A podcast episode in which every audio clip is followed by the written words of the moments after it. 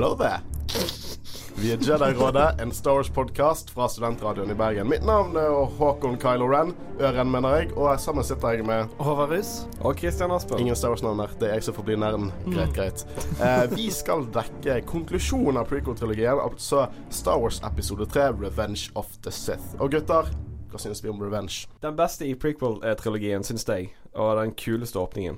Det er jeg helt enig med, for det, det kommer vi tilbake til. Det var noe jeg tenkte på. Åpningen er bare fenomenal. Men Mm. Håvard? Ja, jeg er helt enig. Det er uten tvil den beste Det er mye mindre cringy dialog i filmen. Det er Selvfølgelig han er ikke feilfri, men uh, den er bedre. Ja, det er altså, Vi syns den beste av prequel-trilogien. Og jeg, eh, hvis, jeg tror hvis vi prøver hardt nok, så kommer vi til å finne litt klein dialog. Litt små biter av det. Eh, og eh, egentlig nok av maset vårt. Vi skal eh, dype oss inn i denne filmen. Vi skal dekke fra 2005, Star Wars episode 3, 'Revenge of the Sith'.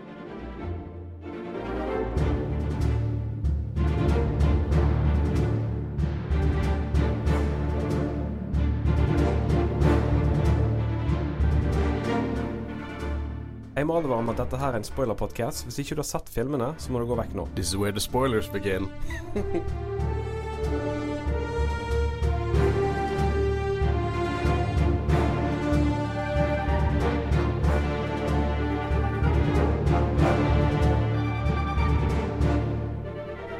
Nå skal vi begynne med en kort recapping av akt 1 av Revenge of the Sith. Over til Håvard. I introcrawlen så får vi vite at det er brutt ut krig. Republikken er i oppløsning etter angrep av den onde Sith-lorden Grev Dooku. Samtidig er kansler Palpatine kidnappa av General Grievous, lederen av drøydehæren. Anakin Skywalker, nå en jedi-ridder, drar sammen med Obi-Wan Kenobi for å redde kansleren. Det viser seg at Grev Dooku også står bak kidnappingen. I en lightsaber-duell blir Obi-Wan svimeslått, men Anakin klarer å overliste Dooku og avvæpne han. Kansler Palpatine overtaler Anakin til å henrette Dooku uten en rettferdig rettssak. På vei ut fra skipet blir de tatt til fange av Grievous. R2D2 skaper en distraksjon, og de kommer seg løs. Grievous unnslipper, og skipet krasjlander på Coruscant, men det går bra med de. På Coruscant møter Anakin Padme igjen, som forteller at hun er blitt gravid. Samtidig ser vi Grievous ankomme en planet og snakke med lord Sidious, som forteller at Dooku var et nødvendig tap, og at han snart vil få en ny lærling som er både yngre og kraftigere.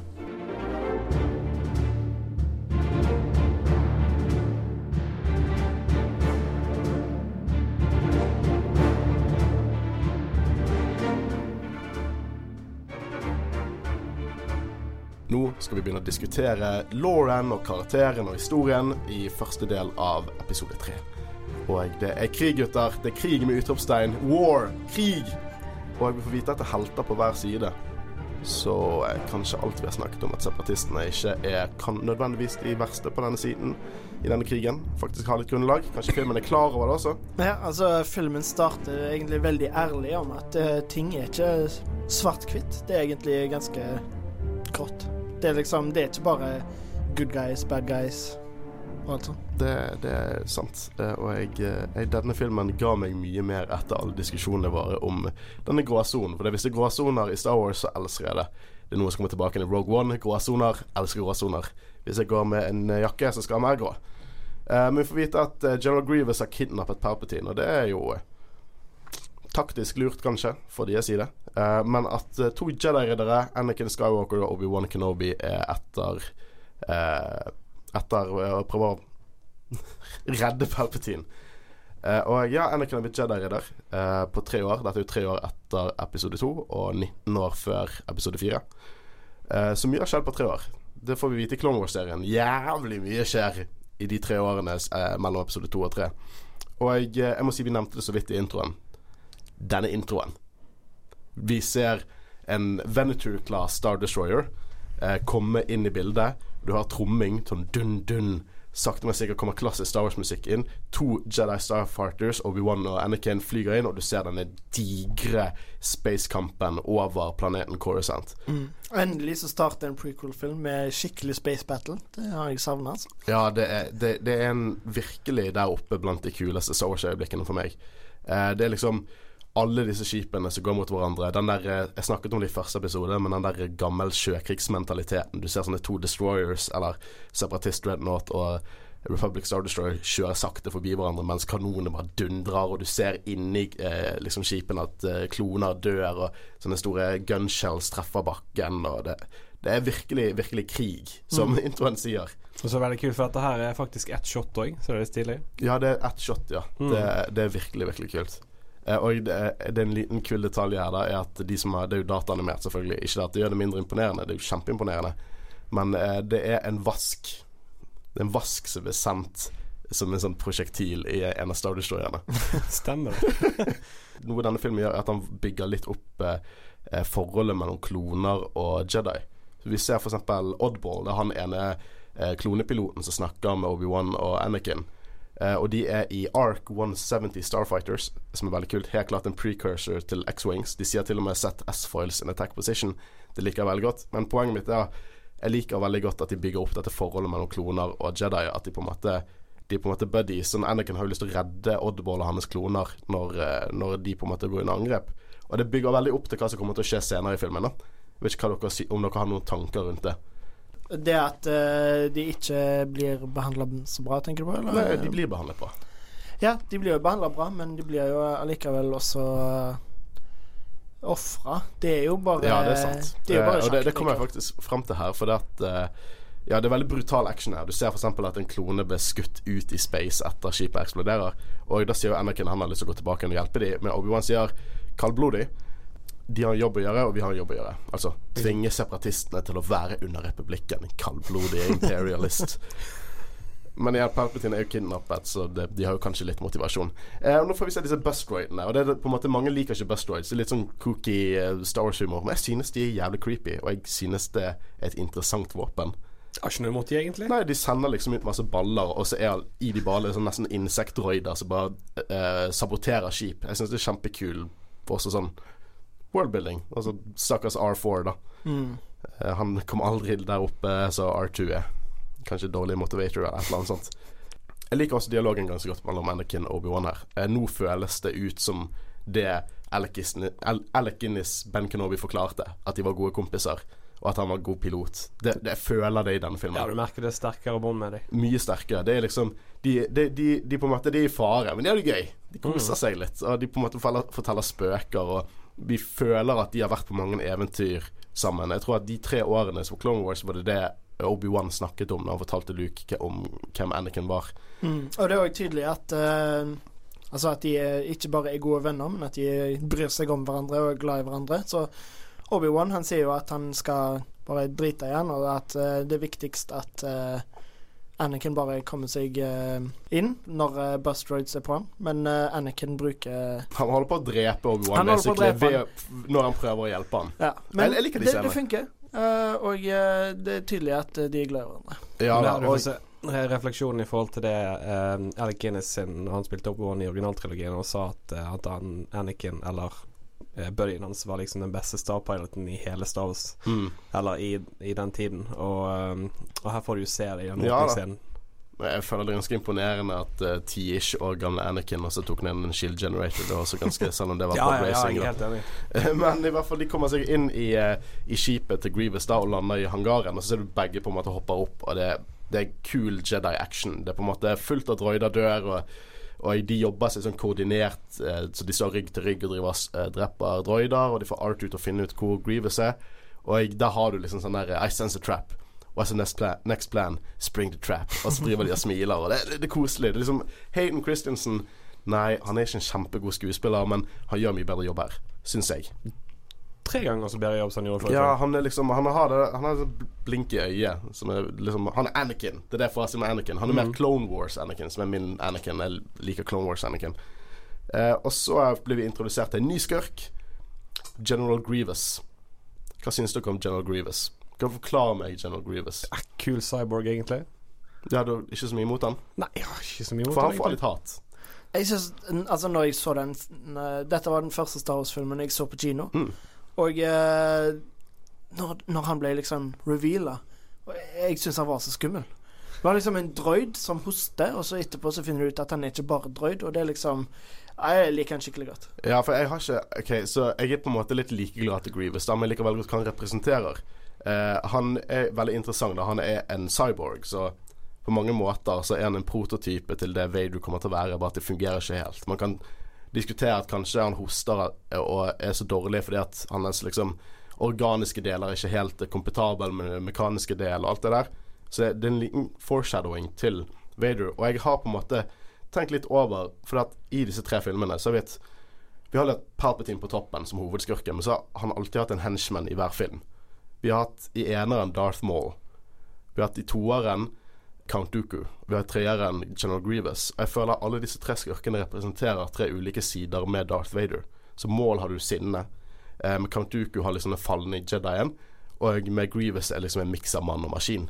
Og det synes jeg på en måte Jeg vet ikke om det er dette George Lucas faktisk tenkte over. Kanskje det var en happy coincidence til å selge leker, men jeg lik, det gir det litt mer tyngde. Vet ikke hva dere synes Jeg om det. liker veldig godt den parallellen du drar der.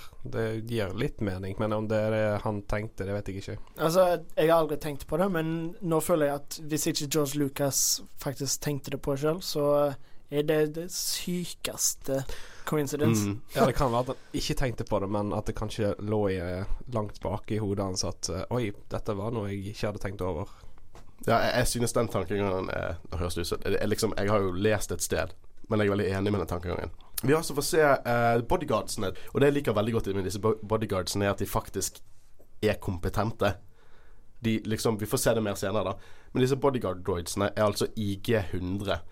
Det er altså ut, under IG-serien droider. Samme produksjonslinje som IG88, som vi sist så i Empire Strikes Back. Og det er en kul liten del av universet. da Så dette kanskje de gjettet at IG88 IG88 er litt tidligere produksjon, mens dette er på en måte en mer perfeksjonert Assassin Droid. Er, eller Magma Guards, er det mange som kaller de også. Eh, og så, Da kommer vi inn på dette med droidene i filmen. da De er enda mer goofy i denne filmen enn de har vært før. Eh, og det går fint med Battle Droids. De var, liksom, de var craptastic uansett, liksom. De, de kan like godt lene seg inn i det, og det synes jeg de gjør. Det er litt gøy når de kommer inn i en heis og så er det Roger, Roger, Roger, Roger, og så kutter Obi-Wan Anakin opp alle. Det er morsomt. Liksom, jeg får en liten chuckle. Jeg skal ikke hate på det. Men så begynner de å kødde med Super Battle Droidsene. Ja. Å, jeg hater den scenen. Mm. Det, de, de på en måte That's Jedi fighters, all right. Get back to work, you stupid astromech. Uh, og gjett hvem andre som er CJ i denne filmen. For den meste parten R2D2. Mm. For han hopper jo rundt og, og på en måte bruker jetpacken sin og liksom tar elektrisitet på folk, og han føles som gummi. For Det er en scene han flyger inn i en gang, og så treffer han en vegg, og så ser det ut som han på en måte og hopper fram og tilbake. Stemmer det. R2D2 to rescue. Og det var en ting jeg til og med la merke til første gang jeg så en film på kino, at R2 var litt sånn ikke tilstedeværende. Eh, men veldig, jeg liker veldig godt liksom, Hvis jeg ser vekk fra det tekniske, så liker jeg veldig godt disse scenene med Arthur. Um, og vi kommer tilbake inn til den banteren, for at eh, Anakin og Obi-Wan er jo den heisen, og så er det stuck, og så hopper Anakin ut. Og så sier Obi-Wan 'Always on the move'. Jeg, jeg digger det. det liksom, de, bare, de bare kødder med hverandre. Jeg elsker det. Og så sånn at Obi-Wan skal til å si noe negativt om R2, R2D2, og så sier Anakin 'No loose wire jokes'. He's trying. Jeg syns det er kjempekoselig. Ok, så nå er jo det at Palpatine er fanget og snur seg sakte rundt i et rom som minner mye mer om et tronerom, kanskje fra en viss film som heter Return of the Jedi. Jeg, jeg mener at alt i denne scenen er bare foreshadow til at han er Empire. Nei, Emperor. Han er veldig glad i å eh, ha et tronrom med utsikt over space battles. Ja, for det det er nydelig fengsel han har, hvis han faktisk hadde vært tatt til fange, quote on quote. Uh, han er jo mester av fasade, og du liksom Du merker det så sykt godt det er, så, det er så sykt eh, lite diskré at du begynner nesten å lure på hvorfor ikke karakterene begynner å stille spørsmål til det. Ja, liksom, hvorfor er han her? Hvorfor ikke han i en celle, liksom? Ja, han sitter liksom i bokstavelig talt en trone og er fange der. Uh, men i bakgrunnen så ser vi fortsatt at kampen fortsetter, og den, er, den opprettholder kontinuiteten sin. Hvis du legger merke til i bakgrunnen Mm. generelt i denne filmen, hvis det er kamper, så legger jeg merke til sånne små, kule detaljer. Som for eksempel senere det er kloner som driver og sånn puncher ned eh, droider, eller to droider som driver sånn og snakker og slår hverandre i skulderen, eller nå er jo det Starfighter som er ute etter hverandre. Det er veldig mange syke, sykt bra detaljer i denne filmen. Vi får jo også se senere en Millennium Falcon. Faktisk The Millennium Falcon i denne filmen. Jeg glemte å skrive det ned når vi kom. Jeg husket på det nå. Men det er også en kul ting som i bakgrunnsscene eh, senere i filmen får vi se Millennium Falcon. Nå kommer jo eh, Count Dooku inn i bildet, og jeg, eh, han tar en sånn dobbel salto og blir til CGI. Nå kom jeg på den setningen jeg skulle si i sted. Um, uh, uh, Chancellor Palpatine, Sith Lord oh, jeg kommer Jeg kommer det. Ah, ok, Det- ja, jeg har ja. ja. helt poeng. Bare, bare ta det etterpå. Jeg har helt poeng. Du skal få si det etterpå. OK, OK. ok Jeg må bare snakke om For det her er en sånn ting. Trengte virkelig Count Duku ha si- en dobbel salto-CGI?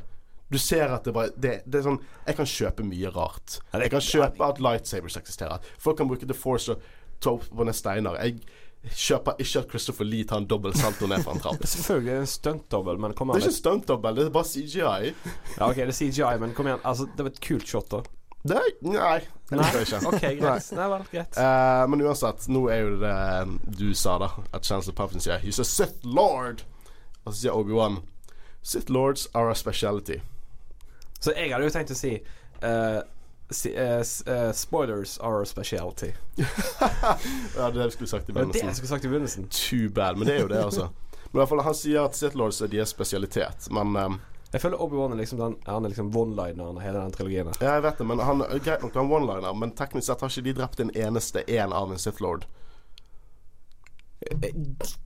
Mål er vel Ja, Nei, Mål. ja, han, de vet at han ikke er død. Obi-Wan vet at Mål ikke er død. Nei, han er ikke død, men Han kuttet han bare i to, som er en god ting å si. Det er liksom det er imponerende ting, Kenobi, for all del. Men de teknisk sett har ikke drept en eneste Sith Lord, så det er litt cocky å si at det er deres spesialitet, men det er one-liner. Men altså, det er jo uh, jediene sin spesialitet, og i iallfall Ja, tusen år. Tydeligvis derfor de eksisterer. Uh, og nå begynner jo Anakin å si sånn ah, mine, mine krefter har doblet siden sist. ja, DS, altså replikker jeg tenkte trenger ikke å være der.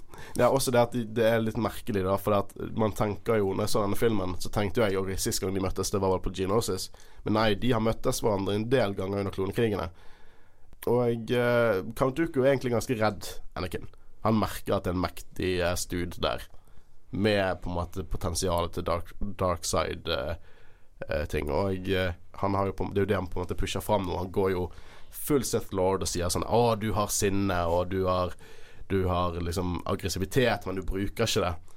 Um, Men hva er egentlig Duku klar over i planen til Palpatine? han er klar over alt som ikke involverer at han sjøl skal dø. Nei, ok, Så det kommer som en stor overraskelse? Ja, ja, ja. Og det ser du på trynet hans. Ja. Uh, denne kampen generelt, ganske fet. Ja, helt enig. Obi-Wan går ut som en liksom sucker. Uh, han går ut med én gang. Men Obu Anakin mot Count Dooku, en skikkelig fet kamp med liksom foran keiseren, basically, i en trone og en starfight bak. Det er nesten sånn Darth Vader episode 6 der. Bare på visuelt, da.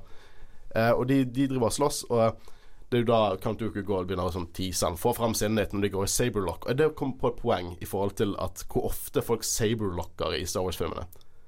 For du vet, sverd som låser seg, det skjer ikke. Ingen, da, da, må de, da må de stå i ro og ta det inntil hverandre. Sånn, I historie ting det skjer ikke. Men i Star Wars er det en forklaring på hvorfor saberlocks er en ting. Om vi trenger den forklaringen, det er opp til dere, egentlig. Men i canon så fungerer lightsaber som på en måte store kilder av energi. De er veldig overraskende tunge, og de fungerer nesten som magneter til hverandre. Og det er en grunn til at sverd i lightsabers i Star Wars-universet saberlocker veldig ofte. For de blir bare liksom pressa sammen? Ja, de, eh, de til, energien tiltrekker hverandre. For det er en- er liksom kontinuerlig stream av energi som blir liksom eh, tilkoblet hverandre. Og det er ikke sånn som magneter at de må bare sånn Plutselig så er to stykker stuck, eller plutselig er det med to lightsabers og holder Jeg får ikke de løs. Men eh, de er tilkoblet hverandre. Det, en, det er en forklaring på hvorfor det ofte er saberlocks. Det får vi se i en episode av Rebels, der de forklarer mye law bak eh, lightsaberen. En ting som er artig ting i forhold til denne duellen her, er jo at egentlig skulle Palpatine ha mer dialog i filmen òg. en linje for eksempel han skulle sagt, uh, var at han uh, fortalte Anakin at, uh, at Duku hadde, hadde innspill i uh, Tusken Raiders når de kidnappet og torturerte oh, Morgan ja. Shmi. Det, det er mye, mye alternativt her, sp- spesielt mot slutten, som kunne vært det i filmen. Men Ja, for at originalt så skulle jeg Altså Originalkutt av denne filmen her var på fire timer. Så det er, my, det er, mye, det er mye som kutta. ja, det Det er veldig mye som er kutta. Men for det som skjer nå, er jo det at Anakin får overgrepet, og så plutselig kutter han av hendene til Count Dooku, og jeg eh, holder begge svennene til nakken hans. Nå kommer en linje som jeg vil at dere to skal huske. OK, så Nei, ikke den. Etterpå. Palpatine sier 'do it'. Har du lyst til å si 'do it'? Har du lyst til å si 'do it'? Å, nei, nei, nei, jeg tenkte mer på uh, Good, good, det der greiene der. For det reflekterer jo Reven uh, Return of the Jedi. Ja, for det, det, det er jo sånn Palpatine går full Palpatine etter For han får Anakin til å drepe han eh, Count Dooku, da kutter av hodet hans. Og eh, Palpatine sier jo 'good, good, kill him'. Kill him now. Og du ser bare Doku sitt fjes er bare sånn What? han så ikke den komme. Men det ender jo med at at Anakin dreper Count Duku i begynnelsen av denne filmen. Man skulle nesten glemme av og til at Duku er med i denne filmen. For det er bare Duke, begynnelsen, og så dør han. Duke hadde jo eh, holdt på å si eh, muligheten til bare å si He's the bad guy! Kill him! ja, så han kunne gjort det. Men han har jo egentlig prøvd det med, med Obi-Wan, og det gikk rett over. Eller, han sa jo ikke at det var Palpatine. Eh, nei, never mind. Da var jeg på en feil tanke. Men i hvert fall, Anakin dreper Dooku og sier det var ikke The Jedi Way, det var ikke ifølge koden, bla, bla. Og så sier Palpatine ja, ja, men husk Tusken Raiderne, ja. Du er fucked up, boy. Eh, og så sier han også denne setningen som vil dere skal huske. Alle husker denne setningen. He was too dangerous to be kept alive. Han var for farlig til å bli holdt levende. Den setningen kommer vi tilbake til. Vi ser at skipet Og skipet på en måte er så skadet, det de er på, at det begynner å synke mot planeten. Og vi har ikke snakket om det konseptet. For i Return of, the, nei, Return of Jedi så er det en, et skip som synker når det blir skutt ned. Hva er logikken bak det? Det er vel egentlig ikke noe logisk med det, men det ser dritkult ut. Ja, det det har alltid vært sånn, så det, det er noe av den fysikken i Star Wars-universet Jeg, jeg, jeg, kan, ikke kan på en måte argumentere Kanskje det blir trukket til gravitasjon av planeten, men fuck it, det ser kult ut. Men jeg er veldig sånn nysgjerrig på hvorfor skyter de på skipet der Anakin og Obi-Wan er på for å redde eh, kansleren? Jeg vet da faen. Det, Liksom. det, det er jo et svært Skip- skip som skyter tilbake. Hva skal de gjøre da? Bare Nei, men altså, vent til de kommer seg av, så begynner å skyte. For alt de vet, så kan det godt hende at de, de tror at de ikke er det. Jeg vet da faen. Jeg, jeg har ikke tenkt over det. Ja, godt poeng. Eh, ok, så nå, nå er det at uh, Chancellor Palpatine, uh, Obi-Wan og Anakin De på en måte kom, unnslipper. Ja, ja, Obi-Wan var uh, besvimet, og så var han på ryggen til Anakin, og så våkner han i en heis. Bla, bla, bla. Men uh, de på en måte plutselig blir tatt, tatt av en sånn ray shield. Og så blir det sånn «Å, Vi er smartere enn dette. Og da, den, da husker jeg glemte, jeg glemte hva Anakin skulle si, så sa jeg tydeligvis ikke. Og så sier Anakin tydeligvis ikke. Husker dere? Jeg vet ikke om dere har sett den uh, deleted scenen der Der de uh, bruker forskjellige tegn på å fortelle hva de skal gjøre. F.eks. at uh, Obi-Wan bare stryker på barten sin.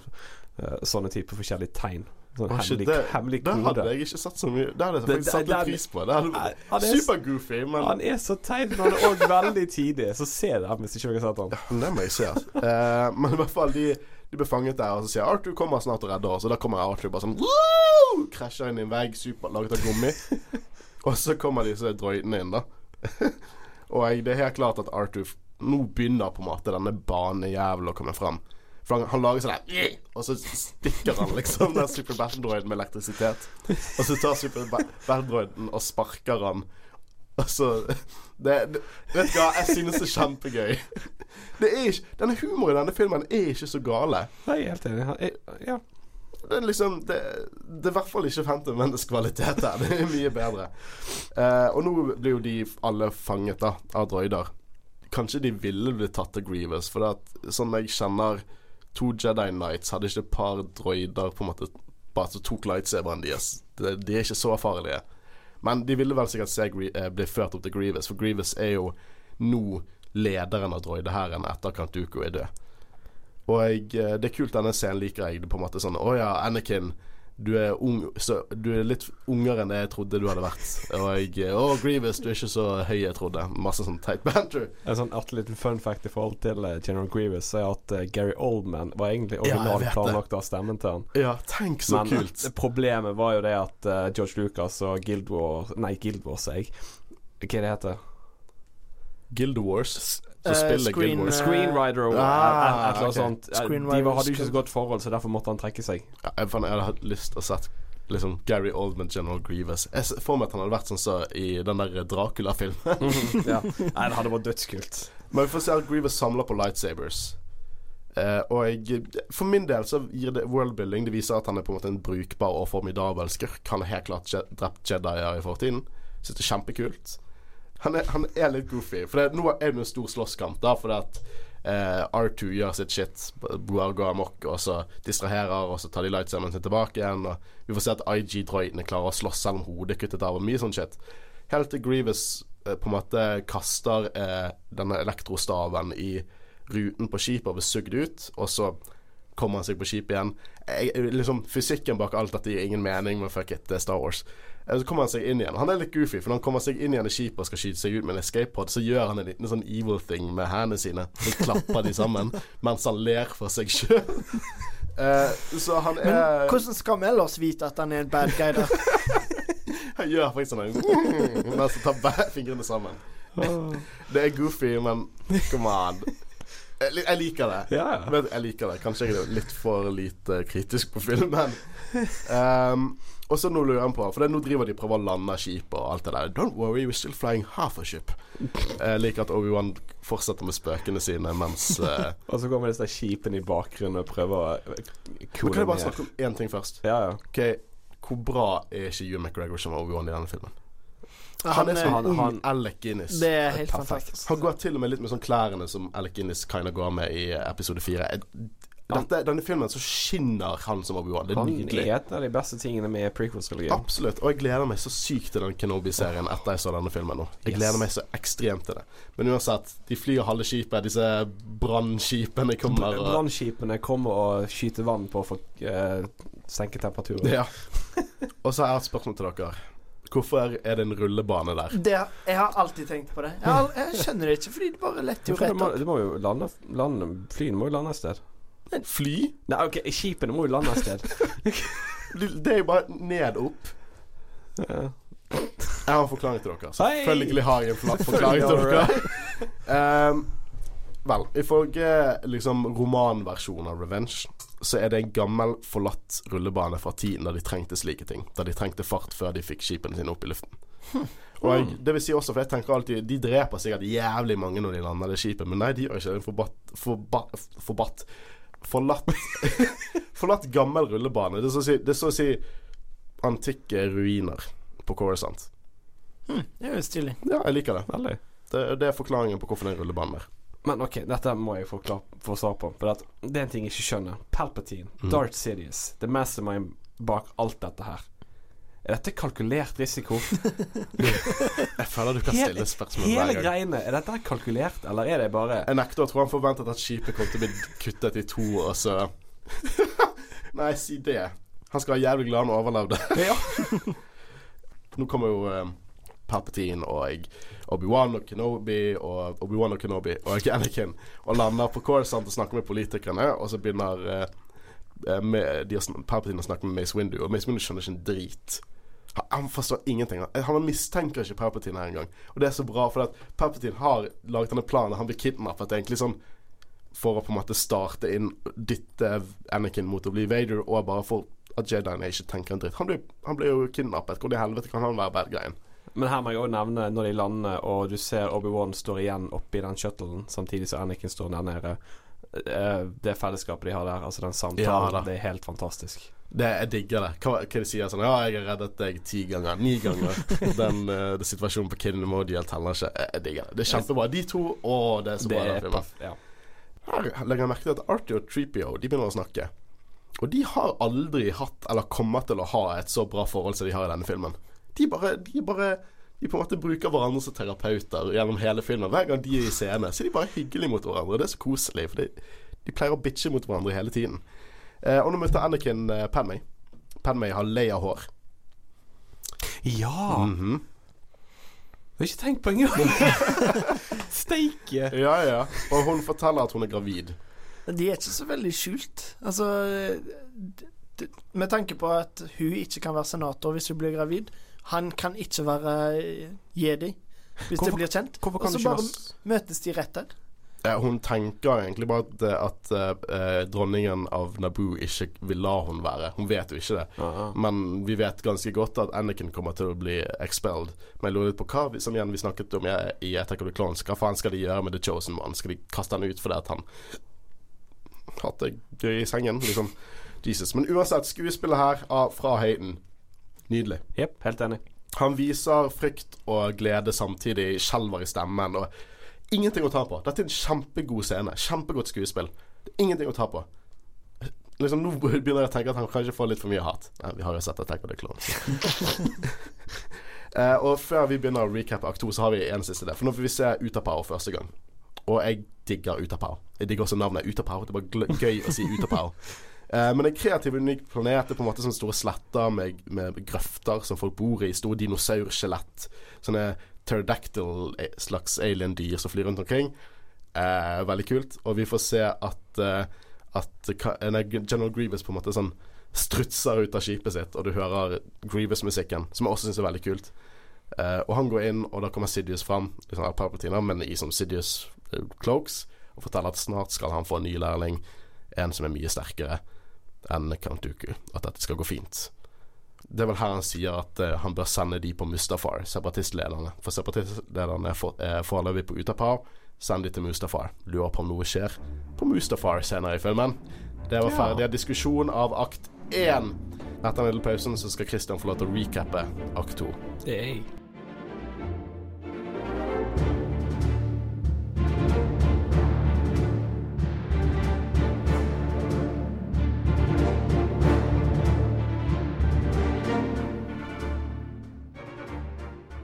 Nå skal vi ha en kort recap av akt to fra Revenge of the Sith. Uh, og så skal vi diskutere law og historien igjen etter det. Over til Christian. Tilbake på Coruscant våkner Anakin i panikk etter en vond drøm om at Padme dør under fødselen.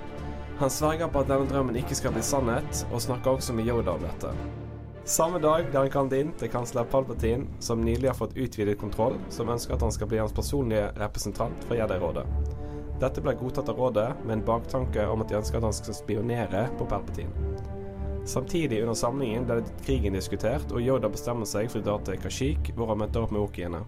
Anakin møter opp med kansleren i operarommet, hvor det er et lysshow på gang. Her får han høre historien om Dark Plagueis the Wise. Han ble også fortalt at Grievous har blitt observert i Utapa-systemet, og etter å videreformidle dette til rådet, bestemmer de seg for å gi oppdraget til Obi-Wan. Dette er noe Anakin ikke var veldig fornøyd med, da han selv ønsket dette oppdraget med sympati fra Palpatine. Idet Obi-Wan lander på Utapa, i Pow City, blir han fortalt at separatistene kom før han, og at en armé er her. Han trekker seg forsiktig tilbake og lusker rundt, hvor han til slutt ser Grievous.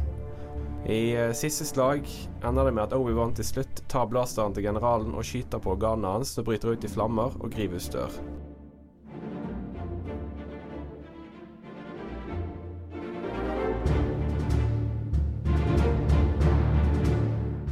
Er vi tilbake igjen til å diskutere litt mer dypere rundt akt to av Revenge of the Sith. Og nå kutter vi til en veldig, veldig spennende scene.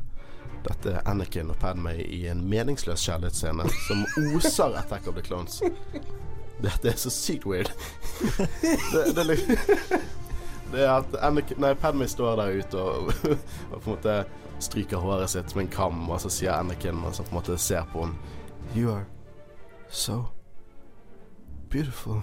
Og det, det, det, er så cringe. Oh my god, det er så cringe. Det er liksom sånn her uh, uh, I love you more-konkurranse. Ja, det Det, det, det, det, det er så uh, Så det blir det sånn Å, du blendet av kjærlighet. Denne scenen gir meg ingenting. Jeg, på en måte, jeg trenger ikke denne scenen. Og jeg skjønner at den er der fordi at det skal bygge opp litt kjærligheten til disse to. Men denne scenen gir ikke mening. Men nå hopper vi til det faktisk gir mening. Drømmene til Anakin. Eh, og han, han får på en måte en visjon i drømmene sine, ganske likt som han fikk av moren sin i episode to, at, at Padmay dør når hun føder. Og uh, hva er deres tanker rundt disse drømmene? Altså, er det Palpatine som klarer å eh, liksom være en innflytelse til å skape de drømmene, eller er det bare Anakin som kan se fram i tid? Jeg uh, tror det kan være en miks av veldig mye forskjellig. Altså, jeg har lagt meg mest i tankene på at det er Palpatine som plasserer de der. Men husk at det også kan være, være ganske menneskelig av han å ha sånn. Han er en Jedi, og jeg, han har force powers, og han har allerede hatt sånne visjoner av moren sin. Så igjen, det er menneskelig at han har de. Men igjen, jeg tror at det er heller en miks av det, og at Palpatine på en måte leker seg litt. At han på en måte pusher han mot det, da. Og etterpå så Han blir jo helt Han får panikk av dette her og får ikke sove, og har en samtale med Padmay om det. Og Padmay spør om Kanskje vi kan spørre Obi-Wan om hjelp. Og de er veldig lei av å gjemme seg, og de, på en måte, de er veldig lei av liksom, at de må skjule seg og hva de er, og alt det der. Uh, og jeg, jeg lurer på om faktisk jeg hadde spurt Obi-Wan om hjelp, om vi kunne vi gå glipp av denne Empire Darth Vader-businessen som kommer senere. Hvis bare Obi-Wan hadde fått lov til å hjelpe litt. For Obi-Wan er veldig grei i denne filmen. Han bryr seg. Mm. Han har noen shady moments, men han bryr seg. Liten mistake for de der. Eh, men nå hopper vi til Jedi-tempelet. Veldig mørk stemning, spesielt i musikken og hvordan alt ser ut. Og det er så å si Yoda som gir gratis ubrukelig hjelp til Anakin. Anakin prøver å si at han er redd for å miste Padmay, uten å si at han faktisk er gift med Padmay, eller si hvem Padmay er.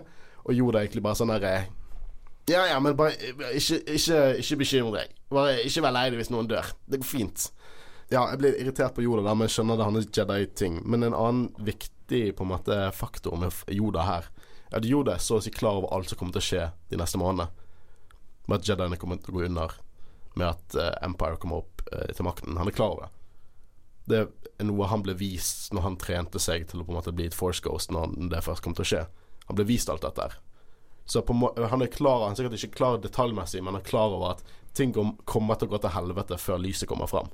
Han vet ikke hvordan det Han, kommer bare, til å skje. han vet ikke nøyaktig detaljene, men han vet det kommer til å skje. Og det er noe, noen har begynt å se når han begynte å kommunisere med Quaigon. Mer om det i Clone Wars. Uh, og jeg, uh, ja Jeg, jeg vil gjette å si at en løs plan, eller på en måte hva han Eller at hvordan han skal på en måte stole på The Force til å på en måte rette opp balansen etter alt går til helvete. Og Det er litt kult å vite. Det er en kul kunnskap å ha når man ser filmen. Nå er det en annen ting, da, for at Anakin har jo Han får ubrukelig hjelp av Yoda, og så løper han ned til Obi-Wan, for Obi-Wan har på en måte innkalt han til sånn krigsråd. Og krigsrådet er over, da. Eh, men husker dere Quinlan, Quinlan Voss fra episode 1? Han som satt i bakgrunnen på Tatooine, som var på en måte litt sånn undercover Jedi. Nå ble han name-droppet. For nå sier eh, Obi-Wan at han har fått en opps oppsummering fra, fra Master Voss og alt det der. Det, det er på en måte en kul liten name-drop som på en måte gjør det enda mer klarere canon, hvis jeg kan bruke det ordet. De diskuterer litt sånn Palpatine, da. Og det virker som Obi-Wan er veldig klar over Han er på en måte mistenksom på Palpatine. Altså vær, vær forsiktig med bandet Palpatine.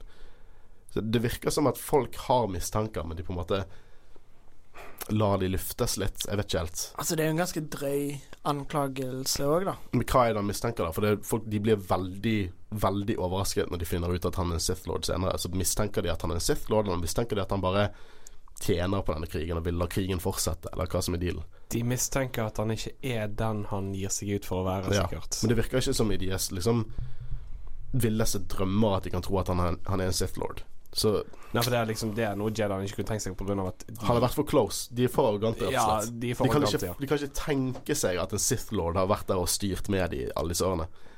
Nå får vi en scene med Anakin og Palpatine som skal liksom forestille mid-scene. Så det er egentlig bare kutta til at de går, og så sier de ingenting. De stirrer i gulvet mens de går, og så snur de seg, og så begynner de samtale. Det føles helt unaturlig ut. Jeg skjønner hva George gikk for her, men det føles unaturlig ut. Men uansett, jeg liker hvordan de to snakker. Jeg liker dynamikken deres. Og jeg, det er jo det at Palpatine på en måte hele tiden sniper litt etter Jediene. Liksom, de er ikke så gode som de er. Bla. Og han utnevner Anakin til å være en del av Jedi-rådet. Hans representant. Han kommer jo til eh, rådet da og sier at ja, han har blitt utnevnt av Palpatine. Greit, han er ikke noen mester. Han får ikke lov til å være mester, men med i rådet, og det hater jo han. At han ikke får lov til. Uh, men hvis, hvis Jedi-rådet hadde spilt kortene sine litt bedre For jeg mistenker at hvem faen er Palpatine til å si at her er en Jedi som skal være med i rådet deres? Han har ingen, ingenting å si på det. Men de tar han inn og gjør ikke han til mester, så pisser han off. Og de tar jo han bare inn fordi at de, han skal være en spion på Palpatine. Så hvis de hadde spilt kortene sine rett, så kanskje sånn, hvis jeg hadde kjenner Anakin riktig, og han har fått, fått nok makt hos Jedi-ridderne, så hadde han sikkert fått, gått litt vekk fra Palpatine. Ja, altså, jeg føler egentlig at uh, Darth Vader er om, omtrent like mye skapt av jediene som han er skapt av Mm. Palpatine. Det, så jeg, jeg syns det er helt idiotisk. De tar med inn, de pisser han off, og så sender de han til Palpatine. Som han, de vet han har et nært forhold til. De vet jo sikkert ikke at det er noe dark side eh, powers involvert der, men allikevel, spill kortene deres rett. Dumme jedier. Nå begynner vi å snakke om Kashik, at det er et viktig system de ikke kan miste. Og Kashik er jo hjemplaneten til gode gamle Chewbacca og Wookieene, og de sier at de har ikke råd til å miste det. Hva faen bringer Wookieene til bordet, som er republikken? Det, kanskje det er en uh, veldig eh, stor sånn fur trade. Fair trade. De går inn til alle liksom, kjøften, alle de ba public bathrooms, og så finner de masse hår som har fått kammet. Da skal dere få en litt sånn fun fact. eh, eh, agrikultur, kanskje. hæ? Det er sånn liksom la, eh, gårdsdrift og jeg vet ikke jeg. Ja, ja, ja. Nei, det jeg skulle si jo eh, Visste dere at uh, det var egentlig òg planer om at en ung Han Solo skulle dukke opp her? Jeg er så glad Ja. for at en ung Han Solo ikke dukker opp i denne Ja, filmen. han, skulle han skulle liksom bli sett boende hos Wookieene, en ti år gammel gutt, som skulle der uh, i finne en sånn her transmitter som hjalp de med å finne Grievous. Herregud. Og så skulle han sagt episode fire bare som Jedi The Force, what is that? Nei, du var der midt i konflikten, du asshole. Men takk og pris at du ikke gjorde det. Jeg er helt enig i det. Eh, Ok, Så nå er jo det hele dealen med at Anakin blir jo veldig Han liker ikke det at de ber han om å kidnappe Nei, eh, spionere på Palpatine. Eh, For det er Obi-Wan som kommer, og Obi-Wan helt klart Han er ikke komfortabel med å be han om dette. Og det grunnen til at Anakin misliker dette sterkt, er at Jediene ber om det, så bryter de faktisk Jedi-koden. Og jeg eh, det, Den koden er altså holder Anakin i sjakk nå. Det er Jedi-koden. Ja, han har brøt den, men det, liksom, det hans moralske kompass er Jedi-koden. Og når han ser på en måte hele hans mentorer, liksom hans jævla religion driver og bryter det, toppen av religionen driver og bryter koden, så blir han vel, har en stor konflikt i seg, som jeg skjønner. Jeg lurer litt på om Palpatine var klar over at at uh, Jediene ville be han om å gjøre noe sånt når han utnevnte de til å komme på rådet. For å på en måte skape enda mer misnøye på en måte hos Anakin. Det er ikke umulig, fordi egentlig alt Palpatine gjør, er jo å skape gnisninger mellom jediene og Anakin. Så det er jo uh, ikke umulig at han så for seg det. Eh, ja, det er sant. Og neste scene er jo det at vi får se Obi-Wan, Yoda og Miss Windu som kjører i sånn uh, clone attack ship, og de diskuterer Anakin. Uh, og jeg um, Ja, de mistenker at de, de stoler ikke på Palpatine, de stoler ikke på Eller uh, Miss Windu stoler ikke på Anakin, og Yoda spekulerer om profesien er feiltolket. Men hva faen er det de mistenker? For det er vel her Obi-Wan sier 'Is he not the chosen one'? Mm. Mm. Men for det høres ut som de mistenker at Palpatine er en Sith Lord, og hvis de mistenker at han er en Sith Lord, hvorfor i helvete sender dere den mest ustabile jævel bort til å være med han som aldri har et forhold? Men jeg tror ikke de mistenker det igjen, for det at A Sith Lord senere kom, Mace Windu blir superoverrasket senere. Så er han korrupt, tjener han på krigen, hva er dealen? Uansett, Jediene gjør tvilsomme valg i denne filmen, spesielt når det gjelder Anakin. Uh, og her kommer også en kjempe En scene som gir en ny, ny tyngde. Vi har diskutert alt dette. Hvem er good guy på siden? Hvem på en måte er et proto-empire? Det er republikken, selvfølgelig. Men Padmay snakker med Anakin, og hun sier kanskje de er på feil side. Hun forstår det. Mm. Mhm. Og uh, Anakin er jo bare sk skikkelig hjernevaska, fordi med en gang så liksom uh, du eh, høres ut som separatist. Og Ja, ja, kaller han en separatist. Liksom Ja, for vi får jo egentlig ikke sett uh, sånn hovedsakelig pers fra um, separatistene sitt perspektiv, eller deres side. mm. Men det er noe jeg liker når du besøker de i Clone Wars. Ja, da får du se Det er skikkelig gode episoder. Er, de er ikke onde Nei, nei. i det hele tatt. Det er akkurat det vi har snakket om de to forrige episodene. Mm. De er absolutt ikke onde. Eh, men dette får meg til å tenke litt. Anakin han dreper lojalt for republikken, mens Darth Vader dreper lojalt for Empire. Ikke så mye som henter seg, sånn helt egentlig. Eh, men jeg, sånn generelt, dynamikken mellom Padmay og Anakin i alle disse scenene er faktisk uh, ganske mye bedre. Uh, og kanskje fordi de to skuespillerne ikke datet lenger. Vi fant ut at de, de datet under Attack of the Clones. Jeez. Hvem gjorde det? Hayden Christensen og Natalie Portman. De gjorde de det? og de hadde visste dårligste jævla dynamikken som finnes. Uh, men de datet ikke, og så krangla de litt mer som karakterer. Så kanskje det hjalp de på en måte dra fram sinnet sitt. Mm, mm. Nå får vi en av mine favorittscener i hele sagaen. Oi. I hele sagaen. Vi får Mon Calamari-balletten. Eller lysshowet, som du så fint forklarte det. Jeg gjorde jeg, jeg enkler det. Jeg gjorde forenkler det litt. Og selv om internett har mimet denne scenen til døde Ikke at jeg skjønner humoren der, men det er, det er at Palpatine og Anakin sitter her i denne operaen, og Palpatine bare manipulerer Anakin. Ja, det er akkurat det. For jeg går ut ifra det ikke lysshowet du liker, men det er den fantastiske setningen. ikke brydd meg om lyd. Ikke setningen, Nei, nødvendigvis. nei, nei, men liksom der du begynner med Have I ever told you the story about our plague is the Wise? Ja, og det er nydelig. Og jeg kommer til det hvorfor det er nydelig. For han forteller den Sith-legenden om tragedien om Darth Plagueis den vise. Hva er den setningen! The tragedy of Darth Plagueis the wise. Det er sånn Det er legender inni, inni universet. Det er nydelig. Og det er worldbuilding. Den beste worldbuildingen i hele jævla sagaen. At vi vet at det har vært en svær Sith Lord tidligere som Jedien ikke har lyst til å fortelle om. Og hele pakken er nydelig. Uh, og jeg, eh, her Han sier sånn Han var så mektig i kraften at han kunne uh, få midichlorian til å create life. Og så ser han sakte, men sikkert på Anakin. Jeg er helt overbevist at Palpatine skapte Anakin. Hvis ikke den scenen sier det, så vet ikke jeg. Create life, og så ser han litt sånn på Anakin. Ja, nei, altså, jeg er for den teorien. Jeg er absolutt for den eh, teorien.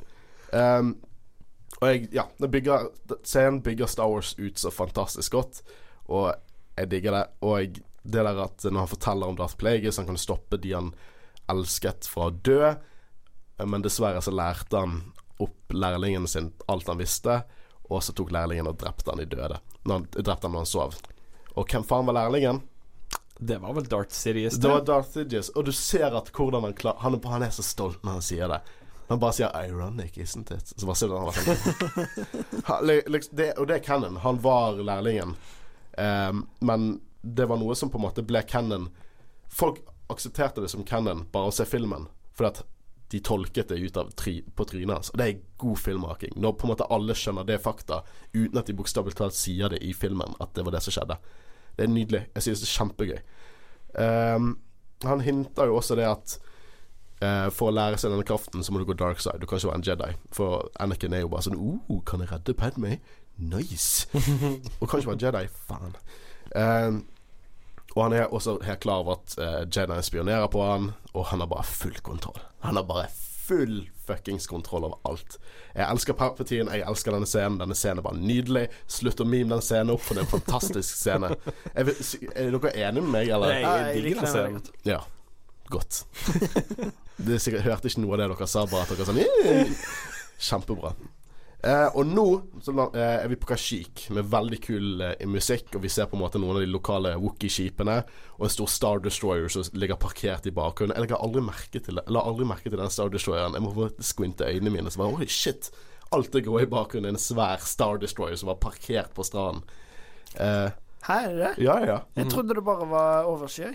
Nei, som står der. Jeg tror jeg må se det på ny. Og så ser vi altså disse Kashik-trooperne, som helt klart gradvis utvikler seg til sånn hvordan Scout-trooperne ser ut på Endor.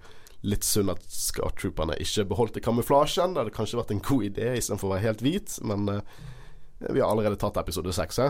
Vi får se Chewbacca og Tarful. Chewbacca, selveste Chewbacca. Han var involvert i klonekrigene. Han kjente Yoda personlig. Hva synes dere om dette? Tror dere Luke og Chewbacca har hatt sånn diskusjoner der de gjør litt narr av hvordan Yoda snakker og sånn? Fullt mulig. Uh, jeg synes, jeg synes det, de gjør universet litt lite, for å være helt ærlig. Ja, det er litt det samme som Litt egentlig det jeg nevnte i episode 1, eh, når dere snakket om at dere ville at det skulle være Alderan, Mm. men at det er Naboo. Ja, det er et godt poeng. Eh, og, og, og da sa jeg liksom at jeg ville følt at det var litt for mye fanservice. Og det er akkurat det jeg synes eh, med at Yoda eh, kjenner Chewbacca. Det kunne vært noen helt andre. Jeg vet det. Hvis de bare hadde gjort det at Chewbacca kan kjenne fotsoldatene til Wookieene, så hadde jeg kjøpt det. Mm. Jeg kunne kjøpt det.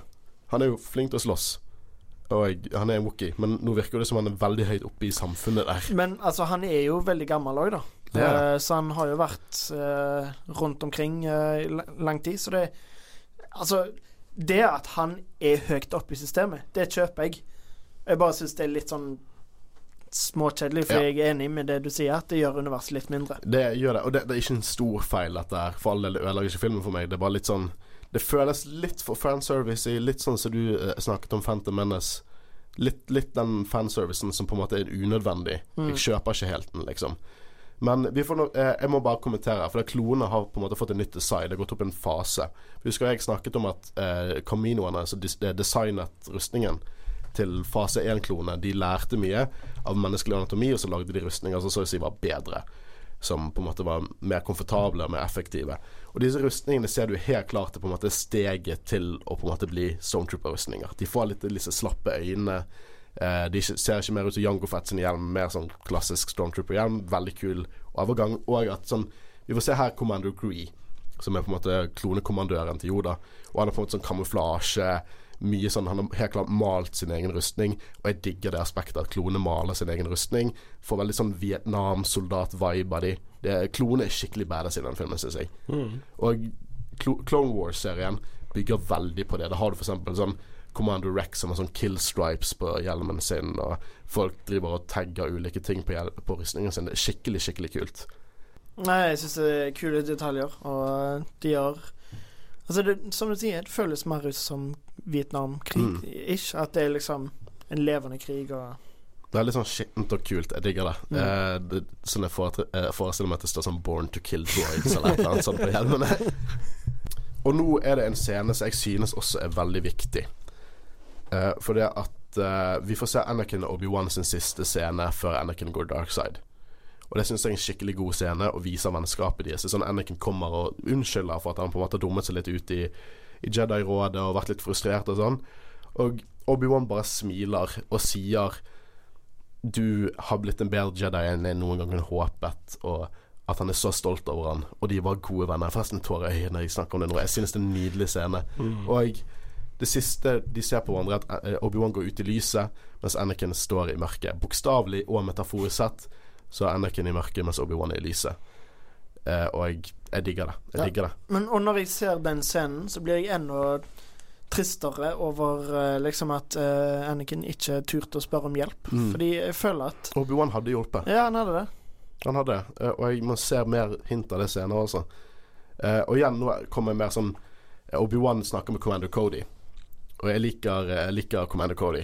Jeg liker det er Tamir Morrison. Han, jeg skjønner fortsatt ikke hvorfor ikke de kunne laget en fysisk drakt til han, for han ser også litt sånn Han ser litt sånn geléaktig ut. For han har hodet er klart bare skuespilleren, og så er det en sånn CGI-rustning, drakt. Men igjen, kult eh, forhold der. De snakker om sånn 'Å ja, vi, alt vi har gjort, og du kan count on me. Når har jeg ingen, aldri gjort, ikke gjort dette for deg?' Og utdyper kloneforholdet mellom Jedi og Jeg digger det. Og god grunn til å se Clone Wars-serien. Commando Cody er en av hovedklonene der. Og eh, Commander Cody han er en referanse. Karakter er en referanse, for Commando Cody høres ikke ut som en sånn badass Star Wars-navn, syns dere? Det er ikke sånn Wilhuff Tarkin og Commando Commander Veers. Commander Cody. Eh, han er faktisk en karakterreferanse til en eh, karakter som er med i en filmserial som George Lucas likte veldig godt. Jeg har aldri sett det, eh, men han er av en karakter som heter Commando Cody, Commando Cody eller The Rocket Man. Eh, og det er på en måte referansen i Commando Cody. Og han er jo faktisk name-droppet, i motsetning av de andre klonene. Får klonene navn, eller får de bare De, nummer? de velger navn. De får nummer, så velger de navn sjøl. Så det er en som kaller seg Fives, fordi at han har mange fem, femtall i nummeret sitt. Og som heter eh, Commander Bly og Gree og Cody og Rex og alt det der. Så de, de, nevn, de gir navn til seg sjøl. Litt sånn som uh, The Unsullied fra Game of Thrones. Du kan sammenligne litt der, føler jeg. Siden du nevnte Tarkin, så kan jeg nevne at uh, Cushion Altså George Lucas hadde egentlig planlagt å kanskje ha hans karakter komme tilbake i denne filmen her. Ja, ja. Så rart at han gjør det også der på slutten. Jo, OK, vent litt nå. La meg omformulere den litt. Ja, okay. I større grad enn det han er med i filmen. Ja, da har vi det. Da har vi det. uh, eh, ved hjelp tidligere opptak og vi hjelper CGI. Men Ja. holdt på å si uh, det Godt ble at jo det ikke er CGI etter på den tiden. Mhm. Det er godt at de ikke CGI er Tarkin på den tiden. Jeg tror ikke det hadde Ja, vært så altså, optimalt. det ble jo ikke tatt opp igjen før Rogue One, som vi Mm. skal snakke om senere. Men han skulle egentlig i originalt ha en større rolle. Ja, jeg skjønner. Men han har også en større rolle Eller i enkelte episoder av Clone Wars så ser du at Tarkin har en ganske stor høyt Han, han har et forhold med Palpatine og Anakin eh, før episode tre, under Clone Wars. Veldig kult. Les boken Tarkin. Det er også en nydelig bok som går over alle disse hendelsene her. Eh, og så nå hopper vi til en annen scene mellom Padme og Anakin, og det er kjempedårlig dynamikk, og dialogen er weird. Men jeg liker på en måte det scenen forteller, da. Anakin har liksom skyldfølelse over at han føler det han føler. Han føler han vil ha mer makt, men han føler at han ikke burde ville ha mer makt. Jeg, det på en måte Det viser veldig godt den konflikten han har, da. Og jeg, det er ikke rart at han føler det sånn, for Jaden har undertrykket han i flere år nå. Han får ikke lov til å være seg sjøl, han får ikke lov til å gjøre liksom det et menneske vil gjøre, så det kommer ut på jævlige måter. Liksom Han dreper en hel landsby av innfødte aliens på Tatooine. Og jeg synes rett og slett synd på fyren her. Mhm. Jeg, jeg har mye sympati for Anakin i denne filmen. Mye sympati for han. Uh, vi er tilbake på Utapau, uh, der Obi-Wan møter med Og dette har jeg skrevet ned. Tion Medon. Tion Medon. Hva kalte du det? Tion Medon. Tion Medon? Tion Medon. Who is that? Tion. Det er fyren som er spilt av Bruce Spencer fra Ringenes herre og Mad Max 2 og 3. Han spilte Mouth of Sauron i Ringenes herre. og så spilte han eh, The Gyro Captain i Mad Max 2. Okay. og flypiloten i treeren. Uh, og jeg elsker designet på de aliensene. Det er jo ikke første gang vi har sett det designet. Vi har faktisk sett det i bakgrunnen i kantinaen. Der sitter en sånn en. I uh, Episode fire. ah, Oh, nice Mm. detalj.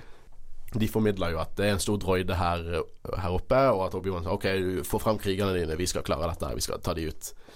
Eh, og da får Obi-Wan en, en Han får en OK, jeg skrev Hva det får han for Han får en varaktyl. En varaktyl. Og hva heter den hunden? Varaktyl. Hva er navnet på varaktylen? Håvard. Hun heter Boga. Kan dere Star Wars i det hele tatt? Boga. Boga. Ok.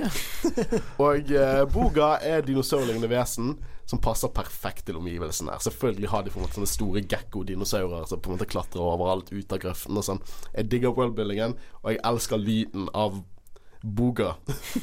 Boga. Ja, jeg husker da jeg var på kino og så denne her i 2005. Hele kinosalen ristet da dinosauren brølte. Jeg digget det. Det var å, sykt. Jeg husker han i Lego også. Jeg hadde Boga, Obi-Wan og så General Grievous med den der eh, spinny-thingen som han får senere. Veldig gøy. Nå er jo det at Grievous sender ledelsen av separatistene til Mustafar-systemet. Takk og pris at Obi-Wan ikke hørte det. Da Da hadde denne filmen blitt ferdig ganske mye tidligere. Og jeg skjønner de er redd. For republikken er ute av de, og republikken er fuckings nådeløs. For alt de vet, er det de sykeste jævlene som er ute etter de. Og nå får vi en god scene. Hello there. oh, jeg elsker den replikken. Uh, jeg elsker den scenen. Men Altså. altså, tenk badass. Han ser liksom fullt av uh, uh, Holdt på å si droider, og så bare hopper han rett ned face to face med general Grievous og bare sier Hello there. Men hva faen var planen, Christian? Hva er planen til Obi-Wan her? Jeg syns det er så løye, fordi før han gjør det, så ser han ned, og så ser du liksom han tar seg i skjegget og bare Hmm, hva skal jeg gjøre nå? Og det smarteste han finner på, det er bare å hoppe ned. Og det er liksom en svær armé. Det her Han trekker er, lightsaber. Jeg spurte du hva planen hans var? Ja. Det var å drepe Grievous. ja, men hvordan i helvete skal han få til det? For alt annet med Grievous er jo den største feigingen som finnes. For at Grievous òg er en arrogant type, så han tenker seg at OK, her blir han det det én mot én. Ja, men så dealen min er at jeg tror han på en måte leser situasjonen og fant ut at Grievous ikke nødvendigvis ville på en måte la den sjansen gå, og så lu på en måte holde de der i ro til klone angriper. For klone er på De er der. De er klar til å hoppe ned, så han er ikke alene. Eh, For alt, han, for alt jeg vet, så gir han et hint til Cody, og så hopper alle ned. Eh, men jeg liker også når han trekker lightsaberen i begynnelsen Hvis du ser bakgrunnen, det er der de to droidene Sånn som en, en som slår en droidekompis i skulderen bare ser på lightsaberen. For her Jeg også så Revenge of the Sits på kino, og den scenen er dritkul når han tar fram ikke én, ikke to, ikke tre, men fire, Fire lightsabers. Fy søren! Men uh, kan du bekrefte eller avkrefte en sånn fakta jeg fant her på nettet, så mm. var det sånn sånn snodig, at uh, når han General Grievous ble konstruert Mhm. Eh, til en cyborg. Eh, stemmer det at han fikk eh, blod fra en Jedi Master med høy midichlorian level, som gjorde at han kunne håndtere lightsabers så bra som han gjorde? Uh, jeg tror ikke det er canon, nei. Jeg er, ganske, jeg, jeg er okay. 80 sikker på at det er ikke canon. Ja, uh, også det at han ikke håndterer de lightsaberne godt i det hele tatt. Så What? Hva snakker om? Han spinner de jo så bare. Ja, man spinner jo de bare. Han gjør mekanisk. Han liksom Han holder armene i ro mens sånn Han raver bokstavelig talt. Men eh, eh, ja, en ting jeg vil påpeke før vi går videre til Grievous. Ja. Eh, vi snakket litt om dette som skjer i bakgrunnen. For hvis du ser alt du ser i bakgrunnen nå, så ser du sånn kloner som sånn, sånn, sånn løper forbi en droid og bare tar ut neven sin til siden. Hvis du bare følger med i bakgrunnen generelt i denne filmen, så ser du så jævlig mye kult. Men um, OK, så han trekker ut fire lightsabers. Og hva synes dere om fire lightsabers? Tommel opp. Ja, jeg liker det. Eh, men eh, jeg har jo Det varer jo ikke lenge. Han mister egentlig alle de lightsaberne rimelig fort. Og det er det jeg synes at det viser også at det krever force powers for å bruke slike våpen til liksom sitt ultimate potensial. Det er sånn jeg tolker greiene. Han møter jo en Jedi Master, sant. Så det er jo Ja, har- jeg antar at han har møtt et par av de som Han liksom ikke kjøpt de lightsaberne på eBay eller SpaceBay. Han møtte Obi-Wan Kenobi, da. Ja, ja.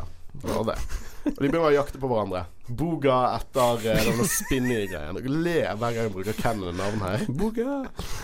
Eh, og nå kommer Mace Window med det mest idiotiske. De, står i Jedi Council og har et møte, som de så ofte har. Og så kommer eh, hologram av Cody og bare 'Vi har begynt å angripe General Grievous'. Veldig bra. Og så snur Mace seg og sier 'I sense a plot to destroy the Jedi'. The dark sides uh, of the force surrounds the chancellor. og nå begynner de å planlegge et kupp. Men det er litt sånn Å, dette bad guyen. Her skjer det. La oss sitte og tenke litt på det. Kom an, vær litt mer decisive i hva dere gjør. Alle faktaene tyder på at han er Sith-lorden. Og til og med nå sier han det. Han sier I sense a plot to destroy the Jedi. The dark side surrounds the chancellor. De skal planlegge et kupp. Og så allikevel blir han overrasket når, når Palpatine viser seg å være en Sith Lord senere i filmen. Og det at de faktisk planlegger å, å ta over eh, Senatet, det er jo ganske drøyt, egentlig. Det Eh, er, det er ikke så stor forskjell mellom Nei. de og Palpatine sånn, egentlig. Absolutt ikke. Du har skjønt det over. Jeg kommer tilbake igjen til dette her. Uh, Anakin og Palpatine snakker nå, da.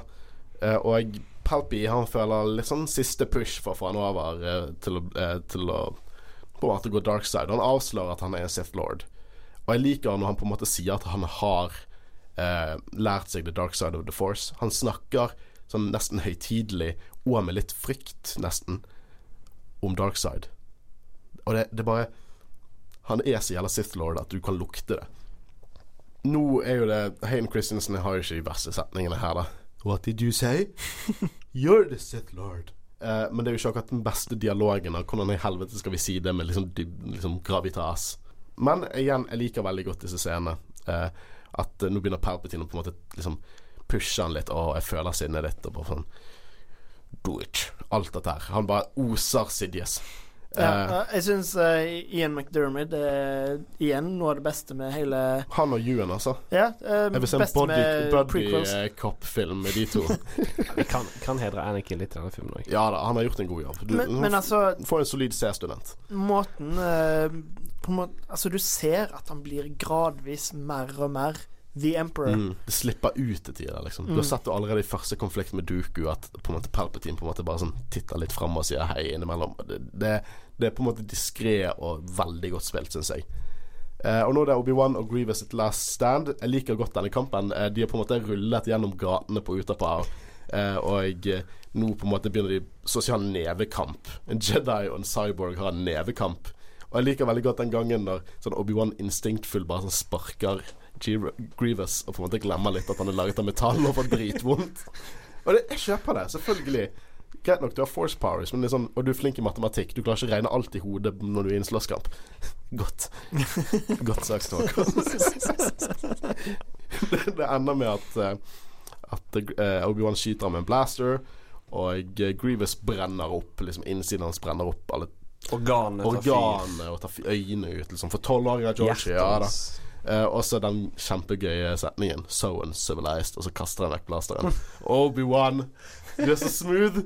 Elsker Obi-Wan. Men så generelt kampen mellom all, Hele kampen, fra begynnelsen til slutt, mellom Grievous og Obi-Wan. Når det begynner med lightsaberne til det ender med at uh, Obi-Wan skyter ham. Hva synes dere om det? Jeg liker deg. Jeg liker det veldig Eh, altså, jeg, som jeg nevnte tidligere i filmen, jeg, nei, i episoden, jeg har ikke noe imot Grievous, egentlig, og jeg føler Selv om han det, det er jo på en måte han som var hovedskurken, bortsett fra Palpatine. Mm. Føler, Han var ikke så bra, men allikevel, han trenger ikke å være det, fordi nå er vi kommet til det punktet i filmen der Anakin vet at det er Palpatine som Ja. er eh, Sith-lorden, og han er på all, nå er han på vei til å bli ond, så da trenger du ikke en ny skurk. Nei, og liksom. eh, Grievous er en plottkarakter, og jeg syns ikke det er noe negativt med en plottkarakter. Kom tilbake til det til Last Jedi. Eh, det var uh, slutten av diskusjonen rundt akt to. Uh, nå skal vi recappe kort akt tre, og så sist diskutere siste akt. Gå inn i liksom, liksom kjøttet, sjarmen av denne episoden. Vi snakkes snart. Etter pausen, altså.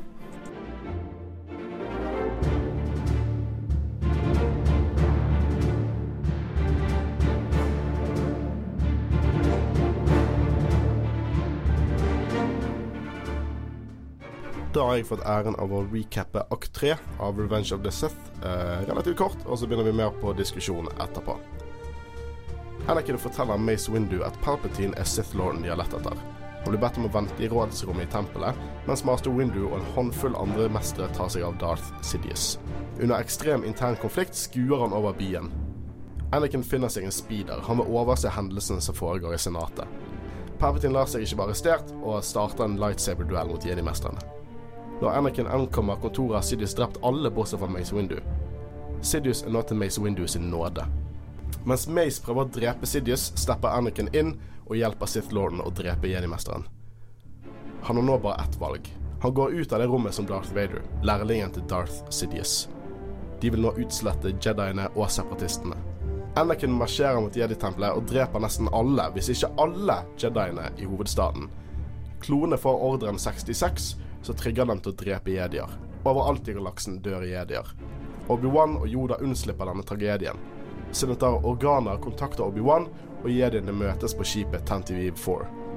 Darth Vader ble sendt for å drepe separatistene på Mustafar, mens Obi-Wan og Yoda drar til Coruscant for å endre en kodet beskjed som lurer Jedi tilbake til hovedstaden. I senatet forteller Palpatine at jediene har forrædet republikken og vil bli jaktet ned og drept. Republikken skal nå bli reorganisert til å være det første galaktiske imperiet. Yoda drar for å konfrontere den nye keiseren, mens Obi-Wan kontakter Padmay for å lokalisere Darth Vader. Padmay forteller han ikke noe, men Obi-Wan hopper på skipet hennes i håp om at det blir føreren til Darth Vader.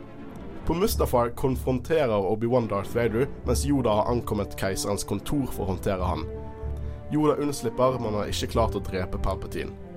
Kenobi får overtaket på Vader og etterlater han som en amputert brennestump på Mustafar. Padmay dør uforklarlig etter hun føder Anakin sine barn, Luke og Leia. Imens får Vader en drakt som skal holde han levende. Det er bestemt at Leia skal plasseres hos Bale Organa på Alderaan, mens Luke skal reise til sin tante og onkel på Tatooine under Obi-Wan sin overvåkelse. The End. Da skal vi diskutere akt tre av Revenge of the Sith. Historien, karakterene, hva det er som egentlig skjer her. Kanskje litt law easter eggs, hvis dere er heldige.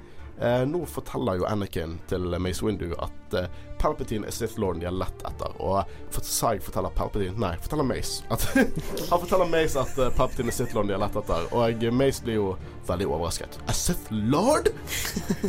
Uh, ja.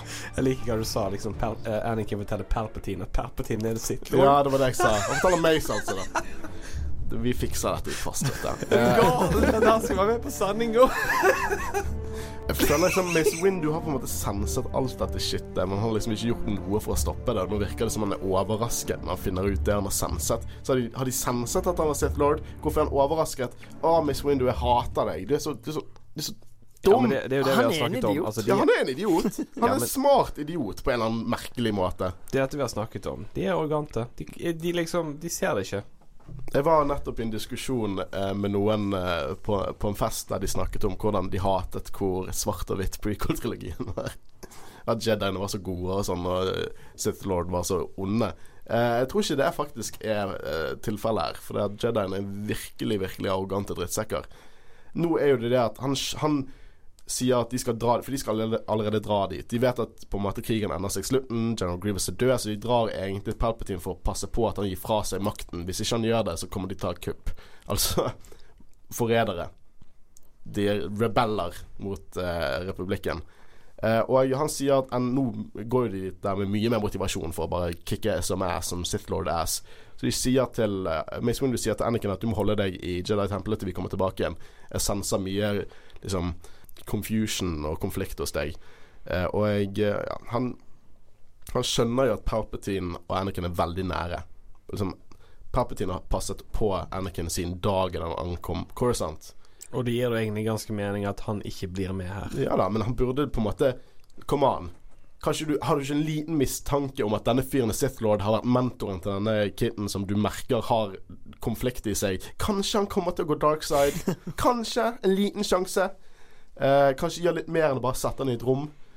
Men eh, eh, nå er det også en veldig eh, følelsesladet scene. Denne filmen har mye følelser i seg. Mye mer enn episode 1 og 2. Du ser det at Anakin sitter og ser over byen, og han gråter, og du hører musikken. sånn dyster musikk. Du hopper over til, til Padmay, eh, som på en måte også hun, hun er på en måte også bekymret for Anakin. Nesten som de begge, hun også senser noe. Ikke, jeg sier ikke at hun er sensitive, det er bare hun senser noe. Vi kan, folk kan sense ting. Uh, det var ingen dialog, det var nydelig musikk, og helt klart viser en person som er plaget. Anakin nailer det med følelser. Så lenge han ikke sier noe, så nailer han det med følelser. Nå prøver Jediene å arrestere Palpatine. Og de er jo forrædere. Du, uh, hvorfor tok uh, Mace Window med seg uh, tre Padabons? De tok med tre full-blown Sith Masters. Ikke, ikke, ikke faen. Ja, jo, de er det. På papiret er de det. Kanskje ikke i praksis. For Er de at, Sith Masters? Ikke faen. nei, så er Sith Masters. Jeg mener, jeg mener Jedi Masters. Nei. Jo. Altså, det er akkurat som i uh, Attack of the Clones. Alle jedier som ikke har noen linjer å si. De har ikke De er helt ubrukelige. De er helt ubrukelige. De, altså, de er jo mer ubrukelige enn Men Stormtroopers. dere hopper litt fram her. For dere glemmer det der eh, I am the Senate. Å, gud, den replikken. Åh. Og uh, It's Men treason, then. Ja, og så sier han jo Are you threatening me, Master Jedi? Ja. Det er så bra. Og ja, egentlig han er, han er på toppen av republikken, og de drar og arresterer han for noe en fyr som de ikke engang stoler på, sa om han. Så det er på en måte egentlig bare blindt at de går og arresterer han. Og de trekker sverdene først. Eh, Og jeg, ja, det, det er et poeng der. De er på en måte Ja ja, jeg sier jo ikke at Palpatine er good guy, men de gjør noe ulovlig her. Men ikke at eh, Vi snakker jo om at Jediene er ganske arrogante, men eh, I am the Senate. Ja, men det, du er være arrogant hvis du gjør det på den smoothe måten der. Men jeg digger, digger også den, for at nå drar Palpatine fram en lightsaber. Det er første gang vi ser i filmene at Sidious bruker en lightsaber. Og awesome. han, han bare flyger framover i en spiral, og du hører litt sånn Sith-rop. Det er nesten som han er sånn, sånn en Sith-banshee eller spirit. Eh, Super evil looking og hører helt sykt ut. Og han dreper jo disse Jedi-masterne sånn Det er akkurat som de bare går inn i lightsaberen hans. De dør med en gang. Og dette er Jedi Masters som har vært gjennom mye shit. Altså. De har, de har vært i krig i tre år. Såpass Det er liksom De er såpass inkompetente at du, Christian, trodde de var padawans. Ja. Eh, men i hvert fall, jeg liker godt denne, eh, denne kampen mellom Mace Windu og Sidious. He, bortsett fra at ansiktene er litt sånn Spesielt på eh, McDermott. Han er, han er en god skuespiller, men kanskje ikke så god actionskuespiller. Mm. Uh, og det er litt sånn CGI der. Det er litt, litt clunky. Nå, altså Samuel L. Jackson, han var jo så Han er jo over 70 år nå, så han var jo ganske gammel Mm. når denne filmen ble spilt inn òg. Så det er ikke så rart sånn, Ja, det er litt tregere kamp, men igjen, liksom Jeg er jo ikke største fan av liksom ballettdansingen i kampen i de, disse filmene her. Eh, Det føles ikke som folk prøver å drepe hverandre. Jeg føler det litt annerledes her. Jeg føler de på en måte ble kastet litt ned, så det ser faktisk mer ut som en sverdkamp. Jeg vet ikke om dere har noen meninger bak det. Altså, altså, det er jo mer det jeg holdt på å si, men jeg digger koreografien. Koreografien overalt det her er egentlig veldig bra. Mm. Det, Miss Mace Windu klarer på en måte å få Sidious på bakken og disarmer han. Han har ikke med lightsaber, og, og eh, holder han liksom egentlig til sin nåde. Og så sier han 'The oppression of the Sith will never return'. Men hva med the oppression of the Jedi, da? Hæ, Mace? Jesus Christ. Og nå er jo det sånn Anakin kommer inn, og det blir som en sånn video game moment. Sånn, hvilken side skal du velge? He is the traitor! No, he is the traitor! det kunne vært litt bedre skrevet. Ja, for det mener jeg. Uh, I spillet Ranch of the Sit kunne du ikke velge det, faktisk. Jo. Åh, jeg må spille det Eller spillet på igjen. slutten da kunne du velge om du skulle drepe Palpatine. Så det var, en, en, var ond ending eller mer ond ending. Yes, stemmer. De Ja. to valgene. Ok, så vi kommer inn på en ny ting nå.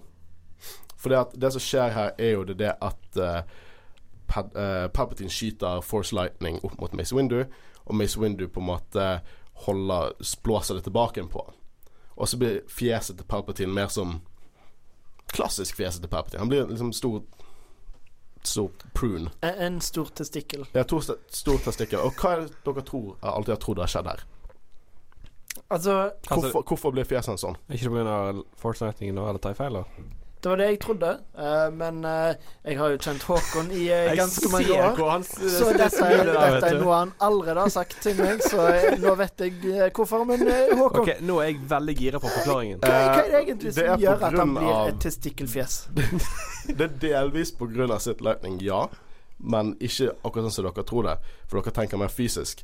Nå må dere huske at eh, det å være en, en dark side user det, liksom, det, det korrumperer liksom hele kroppen din. Du får gule øyne, tærne dine blir helt jævlig uansett hvor mye Space Colgate du har pusset i med. Huden din sprekker. Alt dette her når du bruker dark side force. Palpatine har brukt flere år med å undertrykke dark side forcen som han egentlig har. Han skjuler det sånn at Jediene ikke skal vite, eh, vite noe, sånn at han skal se ut som en normal person. Denne kampen slipper han ut alt av dark side powers. Og når han bruker force lightning, så er det egentlig bare siste prikken over i-en. Han bruker på en måte hele sitt Han bruker liksom alle kreftene han har til å bruke dark side powers, og hele masken han hadde, som han på en måte skapte, blir bare til seg sjøl. Dette er sånn som han ser ut. Wow, dødskult. Det var faktisk uh, nice. Mm. Shit. Kul, kul eh, forklaring. Ja, det er også det at Hvor kommer det fra? Dette kommer fra noe jeg liker å kalle canon. Eh, nei, eh, det, det var faktisk Den gangen jeg leste dette først, var på en måte The Visual Guide av eh, Revenge. Men den boken er ikke nødvendigvis canon, men den tidbiten der har blitt tatt over til canon. Ok. Ja, og jeg, eh, jeg syns det er veldig kult. Ja. De fleste tenker at det er en fysisk skade fra Sith Lightning, men det er faktisk noe mer, og det, det, det er kult. Ja. Og jeg har også en teori om at, at han nesten vil at Anakin og, og Mace Windu skal tro at det faktisk er fysisk skade, at han faktisk er svak for meg. Jeg tror at Jeg har beviser på det også. Når han begynner å si det at han er svak, og at Anakin skal hjelpe han, tror jeg det er kun for å få Anakin til å på en måte komme i aksjon. Han kunne drept Mace Windu når, når som helst han ville det under den konflikten, tror jeg. Nei, altså det, det tviler jeg ikke på engang. Fordi med en gang Det, det første han sier etter han liksom uh, Anakin har uh, av armene til Mace Windu, så sier han jo 'power'! Ja, Unlimited power! Og så bare f kaster han han ut med force powers. Så det, det er ikke noe tvil om at Mm. han kunne gjort det. Og jeg, eh, han, når han begynner å si sånn I'm too weak. Oh, don't kill me. Please don't kill me. Høres det ut som noe Palpatine hadde sagt. Nei. Nei. Uh, og jeg, jeg må bare si, før Anakin liksom kommer og skal på en måte hjelpe eh, Palpatine, for han prøver å snakke med Mace nå, så han må ha en trial. Liksom, du kan ikke drepe han og alt det der. Og vet du hva Mace Windu sier? He is too dangerous to be kept alive. Husker dere setningen som Mhm. Palpatine sa tidligere i filmen? Jedi og Sith har grådig mye likheter, ass. Mm. Shit. Mhm. Og jeg eh, Mace dør. Palpatine er endelig Darth Sidious. 110% mer Darth Sidious enn vi har sett han før. Til og med stemmen hans har sånn demon-shit på seg. Han har gule øyne og tar på seg en cloak. Og det er veldig kult. Eh, og nå er det en annen scene som på en måte får litt kritikk av og til. Fordi folk føler at Anakin eh, går veldig fort om til the dark side. Jeg vet ikke hva synes dere om det? Uh, jeg har faktisk skrevet notater her uh, på akkurat det, da. Jeg synes at det, f det går litt fort. Det går liksom Plutselig så bare er han barnemorder, men allikevel så føler jeg at reisen til The Dark Side, det er veldig bra bygga opp. Mm. Så jeg kjøper det, men jeg syns det det er liksom første kvelden han er Darth Vader, så bare dreper han unger. Jeg syns det er litt rart. Ok, Hvis du har min side på det, da. Husk at Palpatine har vært en mentor til Anakin siden nesten før Obi-Wan. Cirka like lenge. Eh, og eh, Obi-Wan har helt klart vist seg at eh, Nei, han har på en måte kanskje begynt å respektere Anakin de siste årene, men han var ikke en god mester under episode to. Han, på en måte, han var ikke klar for den byrden som var Anakin. Og han har alltid hatt eh, Palpatine. Når Jedien har på en måte vært mot han, så har Palpatine liksom vært den kule forelderen. og jeg eh, Nå har han egentlig mistet alt han hadde som holdt han igjen. Eh, Mace Windu og Jedi-rådet har helt klart gått imot koden. Mace Windu skal bare drepe Han har brutt Jedi-koden. Han prøver å drepe en, en, ja, en fiende, men som ikke har våpen. Som ligger der og er tilsynelatende svak og ikke kan gjøre noe. Så alt han har med Jediene, er på en måte ut vinduet. Alt som han har holdt han i gang. Og han gjør noe instinktfullt, kanskje, nærmest. Han tar et valg der og da, sikkert uten å tenke noe særlig over det. Fordi at Han vil redde Padmay. Eneste måten å redde Padmay ligger der nede. Og denne personen som før var på en måte eh, et, et overhode for han, og nettopp brutt alle prinsipper han sto, sto for, alle prinsipper som Anakin sto for. Han har ikke Jedien lenger, men han har, Palpatine. Og han tar det valget og dreper Dreper Mace, faller ned og sier 'What have I done?' og mister lightsaberen på gulvet. Det viser meg at nei, det var ikke en lett valg å ta, og han har egentlig ikke noe håp, noe, noe annet valg. Han, han har allerede mistet Jediene. Hva kan han gjøre? Han har pa eh, Palpatine igjen. Er det er akkurat det, alt det du sier nå, er det at jeg tenker at nei, det er ikke en for fort transfer. Det det jeg, jeg er helt enig med deg. Jeg Ja. syns ikke det er for fort i det hele tatt. For du forklarte det ganske nydelig der hvorfor det er ikke Jo, takk, takk, takk. Nå er det en kul scene. Darth Vader. Han you will be known as mm, Darth Vader. Det virker litt som han trekker det navnet ut av ræven. Fikk liksom ikke forklart hvorfor han heter Darth Vader. Uh, men det er et ganske kult navn. Det er faktisk det kuleste Star Wars-navnet som finnes der, hvis du spør meg. Uh, den scenen gir meg alltid frysninger. Og så kommer han sier Rise etterpå. Og Imperial March spiller selvfølgelig i bakgrunnen. Nå er ikke det Anakin Skywalker vi ser på lenger. Det er Darth Vader. Men uh, er det et navn han har bare tatt ut av ræva, Jeg eller? eh? vet rett og slett ikke. Jeg håper vi får en bok som forklarer det, et eller annet shit, sånn, for jeg, jeg har lyst til å snakke om det, om, om det, men jeg vet rett og slett ikke. Nå skal jeg dra noe rett ut av ræva, jeg òg. Ja. Rise. Rise of the Skywalker. Det er så godt vi ikke har sånn spekuleringssending ennå. Eh, men OK, så de planlegger å drepe alle Jediene.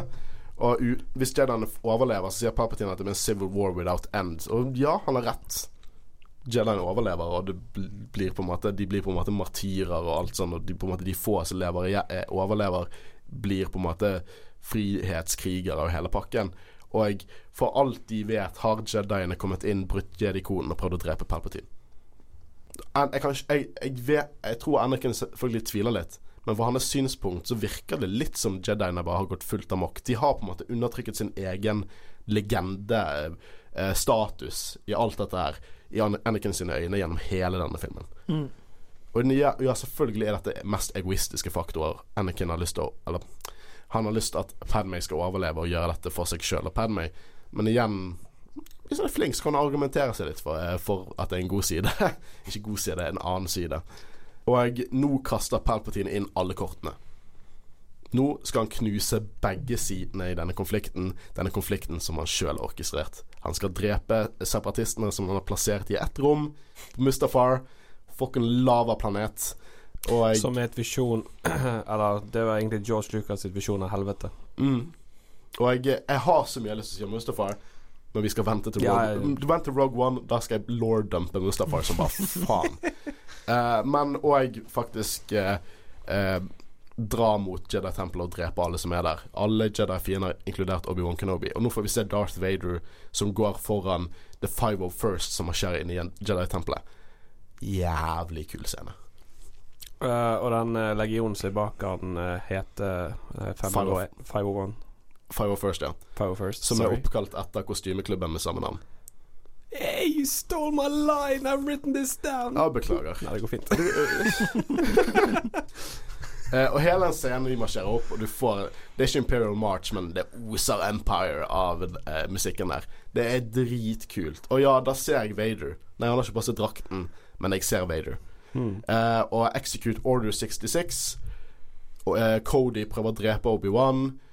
Og eh, disse scenene med fullt av Jedier som bare blir drept av sine kloner. Og vi vet at de har buddy-forhold. Vi vet at hver Jedi har sin clone commander som de liksom venner med. Alle disse scenene er nydelige, men også triste. Musikken og alt. Men jeg har et spørsmål angående eh, Order 66. Mhm. Altså fordi vi vet jo at uh, Det er på en måte Det var planen hele tida. Mhm. Men er det sånn at de på en måte har vært sånn sleeper agents? At når det blir aktivert, da er det liksom plutselig bare Å ja, nå er jeg ond? Eller har de vært onde hele tida? Nei, de har ikke vært onde hele tiden i det hele tatt. Uh, dette er ikke typisk hjernevasking klone, mer faktisk, faktisk hjernevasking, biologisk hjernevasking. De har alle en biochip igjen, en organisk biochip, og den blir trigget når de hører den ordren uh, fra Palpatine. Så et par kloner fant faktisk ut av dette før. Eksempel de vi ser i Rebels. Eh, Commander Nei, Captain Rex, eh, Wolf og Gregor. De klarte å få det ut av hodet sitt. Og Captain Rex er jo med og kjemper mot Empire i episode Mm. 6, Så han hadde klart å få ut den chipen før det skjedde. Så nei, klonene er good guys helt til de ikke er det. De var ikke klar over det. Det var ikke en plan om at de skulle drepe jediene. Jeg vet ikke helt om jeg liker dette biochip-aspektet. Det er veldig kult i Clone Wars når de begynner å finne ut av det. Men eh, jeg, jeg likte mer hvor mørkt det var at de bare sånn egentlig visste at de måtte drepe disse en dag. For før i Cannon så var det det at de faktisk var sånn Vi slåss for de nå, men vi vet at vi må drepe de en dag. Og det gjorde det mye mer. For eksempel historien i Legends-spillet Battlefront 2 fra eh, 2005 Battlefront 2. Da var det sånn at klonen var sånn Faen, en dag må vi drepe de. Klarer ikke å se de inn i øynene. Sånne ting. Og det var skikkelig kult. Men eh, nå har de gjort det mer eh, bokstavelig, I guess. Eh, jeg liker også veldig godt når Yoda kutter hodene på Gree og en annen klone. Det er bare sånn superbadass. Han får jo en sånn Han merker at alle, mange Jedi dør. Han merker For en uh, spiders tingle. er en force convulsion, tror jeg det heter. Og så hopper han over, kutter av hodene igjen for tolvåringer George. Yoda som sitter på skuldrene til Chewbacca. Det er en ting vi har sett i en Star Wars-film. Yoda som sitter på skuldrene til Chewbacca. Det er så søtt. Jeg liker det. Det var actionfiguren av Chewbacca med Yoda på skuldrene. Og nå får vi Har noe mer å si om disse dødsscenene? Ikke annet enn at jeg blir alltid lei meg. Ja, du har blitt blanke øyne. Ja, liksom du ser liksom Han går inn i uh, rådrommet, holdt jeg på å si. Ja, så sier han younglings. der Sier han der younglingsen Master Skywalker. Are you here to help? Eller noe sånt. Og så bare tar han opp lysfærer. Ja. Eh, så i mine notater står det Darth Vader dreper younglings. Punktum, punktum. For tolvåringer, George. Mm, Nja. Han dreper tolvåringer. Ja, jeez, denne filmen er mørk, ass. Holy shit, denne filmen er mørk. Dette er Anakin, helten diskuterbart, i de tre siste film, de tre, disse tre filmene, dreper unger. Får selvfølgelig ikke se det. Vi ser mange unger, og så ser vi lightsaberen som spring ignited, og så kutter det.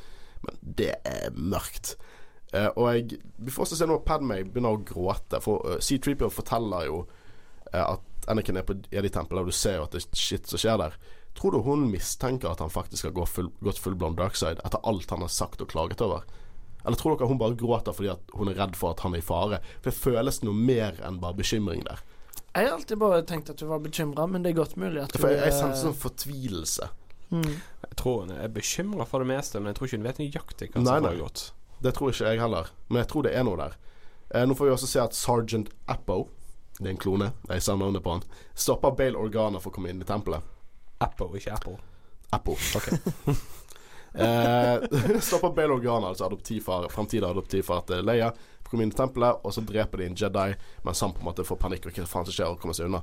Og den Jedien, du har tenkt å si det? Hva? Hva? Hva? Nei, ok. Så Jedien er spilt av sønnen til Josh Lucas. Den Padawan som på en måte blir drept av disse klonene.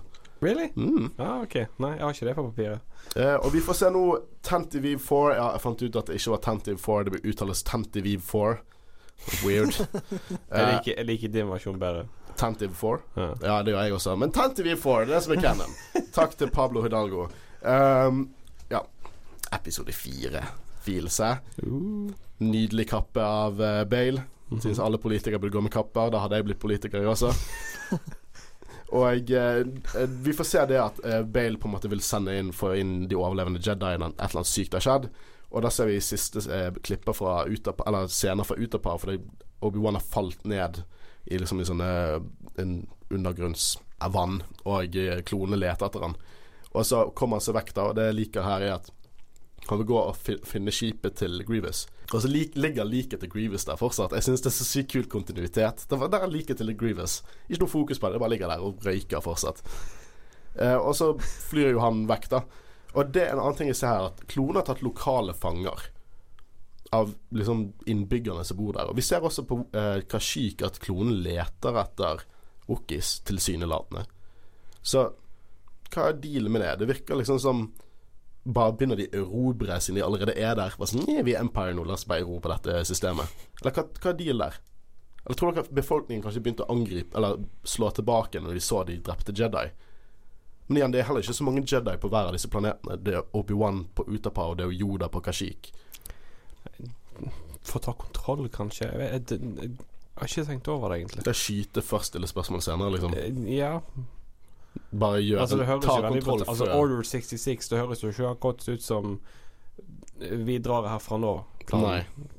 Så ja. Empire, virkelig.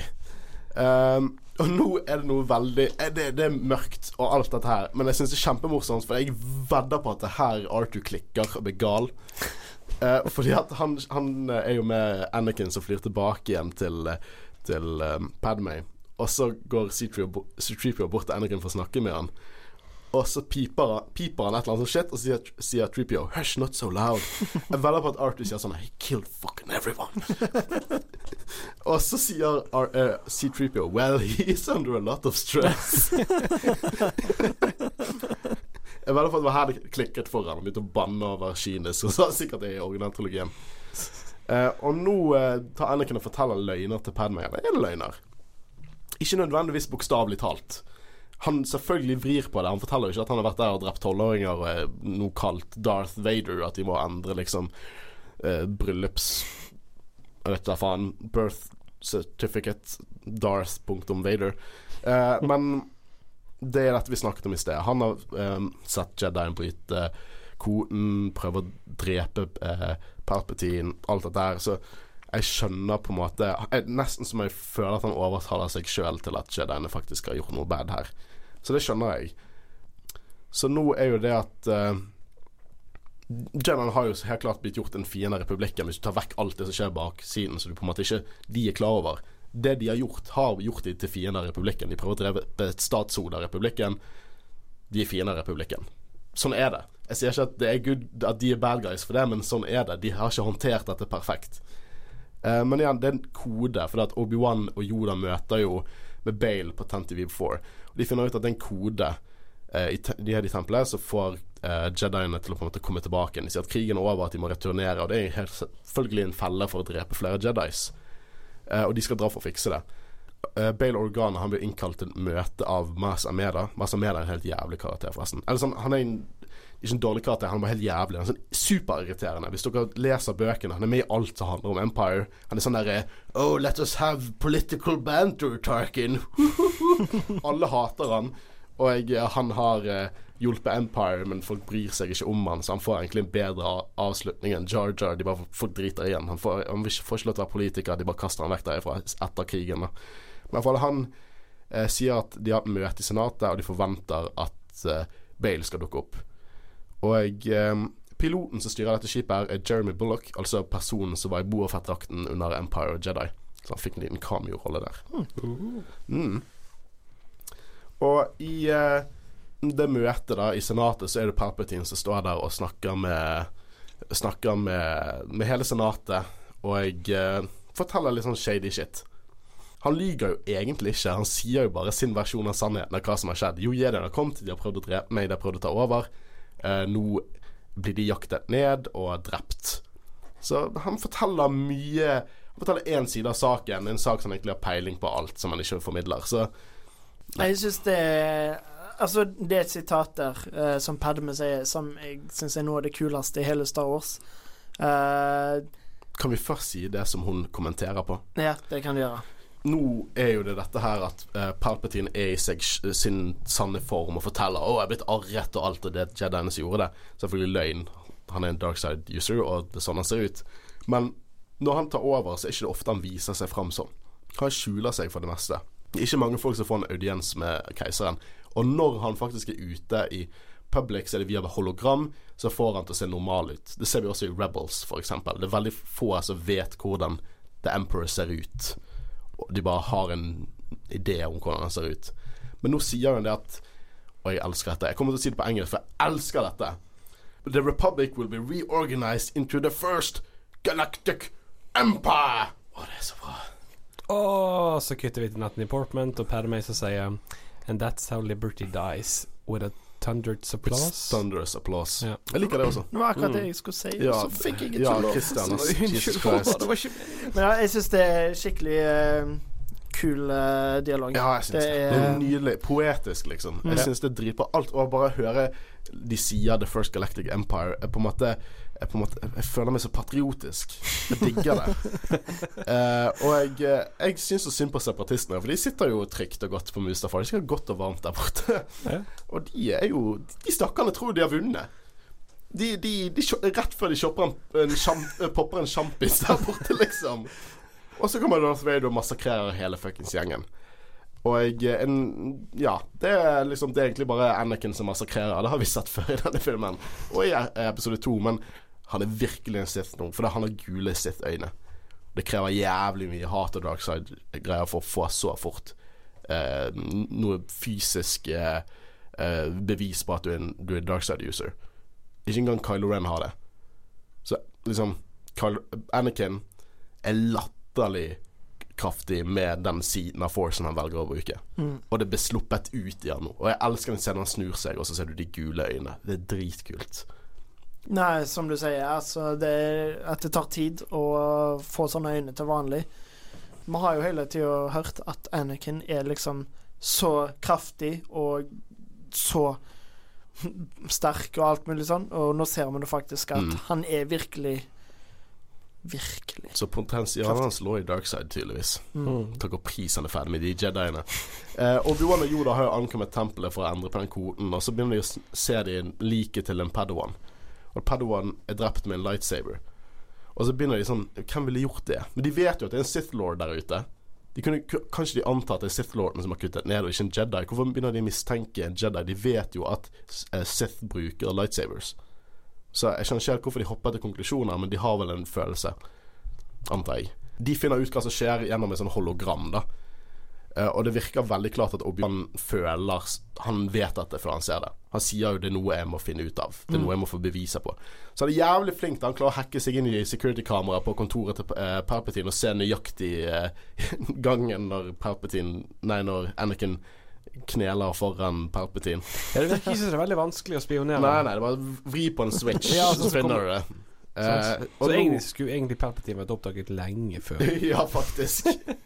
Men jeg skippet over en scene nå der de er oppe med I det skipet. Oppe Yoda skipet. og de. At de samles. De har, vi snakket om at de eh, samles på 10TV4, men det er ikke først Det er ikke siste gang de samles der oppe. Nei. Nei, vi kommer tilbake igjen til det. Så nå føler jeg også Yoda tenker veldig svart og hvitt. For det, liksom nå sier Obi-Wan at du drar mot Anakin, jeg kan ta keiseren. Jeg, jeg kan ikke på en måte konfrontere Anakin. Han, han, jeg, han betyr for mye for meg. Og så sier Yoda at Anakin er vekke. Han er consumed av Darth Vader. Litt svart og hvitt. Du må drepe han, Anakin. Eh, sorry. Du må drepe han, Obi-Wan. Du må drepe han. Litt sånn som de to preprer Luke senere. At du må drepe Darth Vader. Vi klarte ikke det, så du må. Eh, så jeg tenk, syns de tenker litt svart og hvitt. Litt fortsatt gamle Jedi-mentalitet som fortsatt eksisterer etter alt dette her kom, eh, falt til eh, Falt til konklusjon. Ordene mine, ja. Jeg vet ikke hva dere synes. Men altså, det er jo et så stort poeng i uh, Return of the Jedi at, uh, at Luke senser at At det fortsatt er godhet i han. Mm. Men eh, de, til og med da òg så sier du liksom at eh, At det ikke går. Så jeg vet ikke om det er sånn at Er det sånn Once you go Sith, you never go back? Eller Det er jo det Jediene lærer og tror. Mm. Helt Men er det faktisk sant? Eller Nei, vi vet, det ikke, vi vet jo det ikke er sant. Vader kommer jo tilbake. Ja, han, han redeemer seg sjøl på Ja. slutten der, så det Det viser egentlig midt på hvor gammeldags Jediene er, og på hvor mye tunnelsyn de egentlig har. Ja, Mm. så poenget mitt med det var liksom det at det er sånn de tenker, så det er jo ikke så rart at de Nei, men jeg ville tro at går- Yoda var litt mer åpen for alt dette At etter all kunnskapen han har lært mellom disse filmene. Med Mm. Quaigon og Degoba og alt dette her. Men Yoda kommer dit. Han kommer dit snart. Eh, men nå får vi se at Obi-Wan drar til Padmay, da, for Obi-Wan vet jo ikke hvor Anakin er. Vader er. Og jeg, eh, nå sier jo Yoda at 'follow your feelings, you will find him'. Det føler jeg litt sånn at Jeg tror at Obi-Wan er klar over dette hemmelige livet til Anakin. Jeg tror han bryr seg så mye om han at han har drept litt i det. mm. Og igjen, det er derfor jeg tenker at hvis de hadde spurt Obi-Wan om hjelp, så hadde han kommet der. Han er ikke overrasket når Padmay er moren til barna til Anakin. Han er ikke overrasket Han drar til Padmay fordi han skjønner at de er veldig nære. Så nei, jeg De skulle spurt Obi- Obi-Wan om hjelp. Obi-Wan hadde hjulpet dem, det tror jeg. Det tror jeg kjempemye på oss. Eh, men nå, nå er det sånn og Igjen, det er kjempemørke ting som blir snakket om, men jeg ler og cringer når Obi-Wan prøver å si at, at han står et hologram der Anakin drepte younglings. Ja, for uh, en ting som er veldig artig, er at uh, han Du ser at han holder for seg munnen. Det ser ut som han ler. Ja, for det er akkurat det. Han hadde problemer med å holde uh, latteren inne. For han klarte ikke å filme den scenen uten å le. Så han måtte faktisk ta hånden foran kjeften Er det sant, det? og si det. Det er helt sant. Wow. Han måtte ta hånden foran kjeften. Men faen, det er dårlig dialog, altså. Det er jævlig dårlig dialog, det er det. Men det er jo George Lucas kjent for. Eh, men eh, eh, Og Padmay har jo selvfølgelig ikke lyst til å fortelle noe til Obi-Wan, men jeg tror at hun mistenker at det er sant. Obi-Wan sier det ut. Han vil drepe han. Han er en trussel, og han vil leke han. Leke han. Drepe han. Eh, han liker ikke det, men, og han fighter litt tilbake igjen på det. Ikke le av meg. Og, men han, planen hans er å drepe Anakin. Og eh, jeg forstår selvfølgelig at Padme driver og benekter at dette er sant. Hun vil vel tenke at hun skal finne ut av dette og få han tilbake igjen. Hun har jo hørt jævlig mye forskjellig de siste dagene om hvem som er onde og hvem som er gode. Eh, men så hun drar jo eh, Drar jo mot Hun går på skipet til, for å finne Anakin. Han, hun, hun har vel sikkert en sånn et eller annet connection til skipet til Anakin, for å finne ut hvor han er. Så du tror ikke Anakin sa til Padme I'm going to Mustafar. Jo, han gjorde vel kanskje det, faktisk. For han sa han, han hadde fått vite hvor eh, separatistene var han skulle avslutte krigen. Mm. Og jeg, det kom vel opp at det kanskje var Mustafar, da. Eh, litt rar ting å si, da, men i hvert fall eh, på en eller annen måte så klarte sa, formidlet Anakin at, til Padme hvor han var. Hun drar med skipet. Eh, Obi-Wan skjuler seg på skipet for å være med henne. Eh, nå får vi se en annen scene at Anakin står og gråter på Mustafar. Og ja, det er ikke en lang scene, det er bare han som står i ropesene sine, og du ser en tåre falle ned. Det er en fantastisk scene. Igjen fantastisk scene. Jeg tror at dette her er en liksom tormented bad guy. Det er nydelig. Han er Sith. Kjempebra. Jeg syns det er skikkelig løye, fordi eh, alle gangene du ser fra innsiden av det skipet, og Padme trykker på en knapp, så trykker på alltid den samme knappen. Den, den har så mange funksjoner. Det er den eneste knappen du det er trenger. kjempeintuitivt. Det er litt sånn som på en iPhone når du har én knapp for å låse opp og låse av. Kjempenice. Uh, ok, så nå er det de to største, mest betydningsfulle konfliktene som skjer. Og vi, jeg kommer ikke til å gå det, gjennom dette kronologisk, for det kutter fram og tilbake. Så jeg tenker vi tar Yoda mot keiseren først, og så hopper vi til Anakin versus Obi-Wan. Høres greit ut. Ja. Eh, ok. Yoda versus Palpatine. Uh, Awesome. det er ikke Altså, bare, bare nevner den åpningsgreia først. Når man bare går inn i rommet, og bare, eh, de der gardene snur seg, han bare Poff! Ja. Det Det er, så, så kult. Og dette er liksom de klassiske Royal Guardsene som vi ser i episode seks. De bare flyger opp i veggen, og så bare står Yoda der og på en måte fikser litt på ermet sitt. Her skal du få en fun fact til. Uh, jeg vet ikke om dette er 100 riktig, men i uh, Hugh McGregor er en av de røde. Å? Ja, Gøy. Nesten sikker på det. Det, det har vært gøy, i hvert fall. Eh, men jeg syns det er en skikkelig kul kamp. Yoda Bantrew. Han til og med tar litt sånn den der Bruce Lee, den der eh, Come here and get some-greien. det er to mestere av sin side som slåss. Og så digger denne setningen If so powerful you are, why leave? Ja! Er så trekker ut lightsaberen. Det er dritkult. Eh, litt sånn goofy når han slenger Palpatine over stolen sin.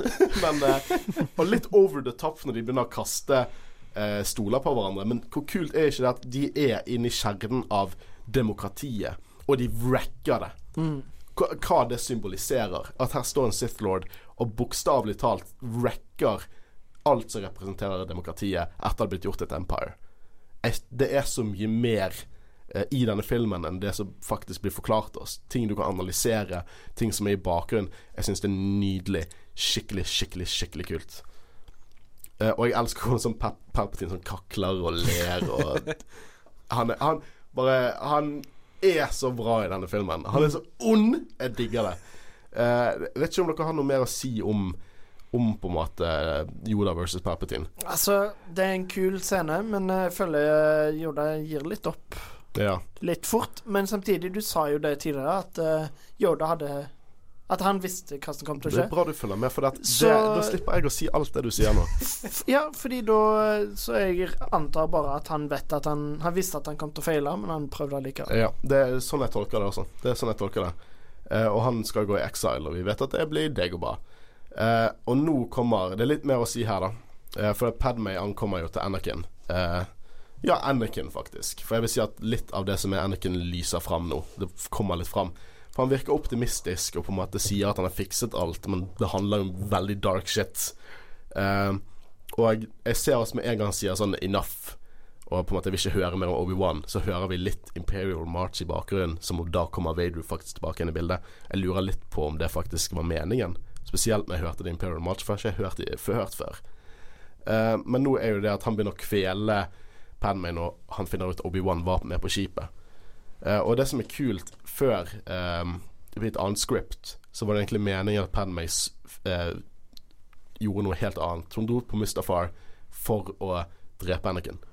Hun var med og startet The Rebellion, og det er en deleted scenes der hun er med i liksom med Mon Mothma, Bail Organa og alle og planlegger eh, Rebellion, basically. Og det samme skuespiller som spiller eh, Mon Mothma i den scenen, som spiller Mon Mothma i Rogue One. Ja, for egentlig så hadde hun en kniv bak ryggen sin som hun skulle ta livet av Anakin med. Mm. Og tenk hvor poetisk det hadde vært at Anakin ble tvunget til å drepe Padmay. Ja. Det Jeg hadde nesten foretrukket det. Jeg hadde foretrukket det, jeg også, Mm. faktisk. Hun var, hun var på en måte martyren til Skulle være martyren til Rebellion, og jeg syns det hadde vært kjempepoetisk, men vi fikk det vi fikk nå. Uh, det er ikke canon, så vi kan ikke bry oss om det. Eh, men i hvert fall Obi-Wan og eh, Anakin begynner på en måte å krangle, da. Eh, og eh, Kenobi sier 'han er med republikken'. Det er ikke så stor forskjell. Eh, eh, kanskje de bare venner, være venner, da. Det, det, liksom, det er bare tekniske forskjeller her. Og selvfølgelig Anakin sier sånn 'Å, jeg har bringet fred til uh, mitt nye empire', og han har allerede snakket til, til Padme. Vi kan, vi kan overthrow Palpatine, liksom. Ja, altså, The Rule of Two er virkelig sterk der. Ja, altså. ja, han, absolutt. han har ikke vært sitt i fem minutter før han begynner å snakke om det. Men, OK, så det her er dette, da.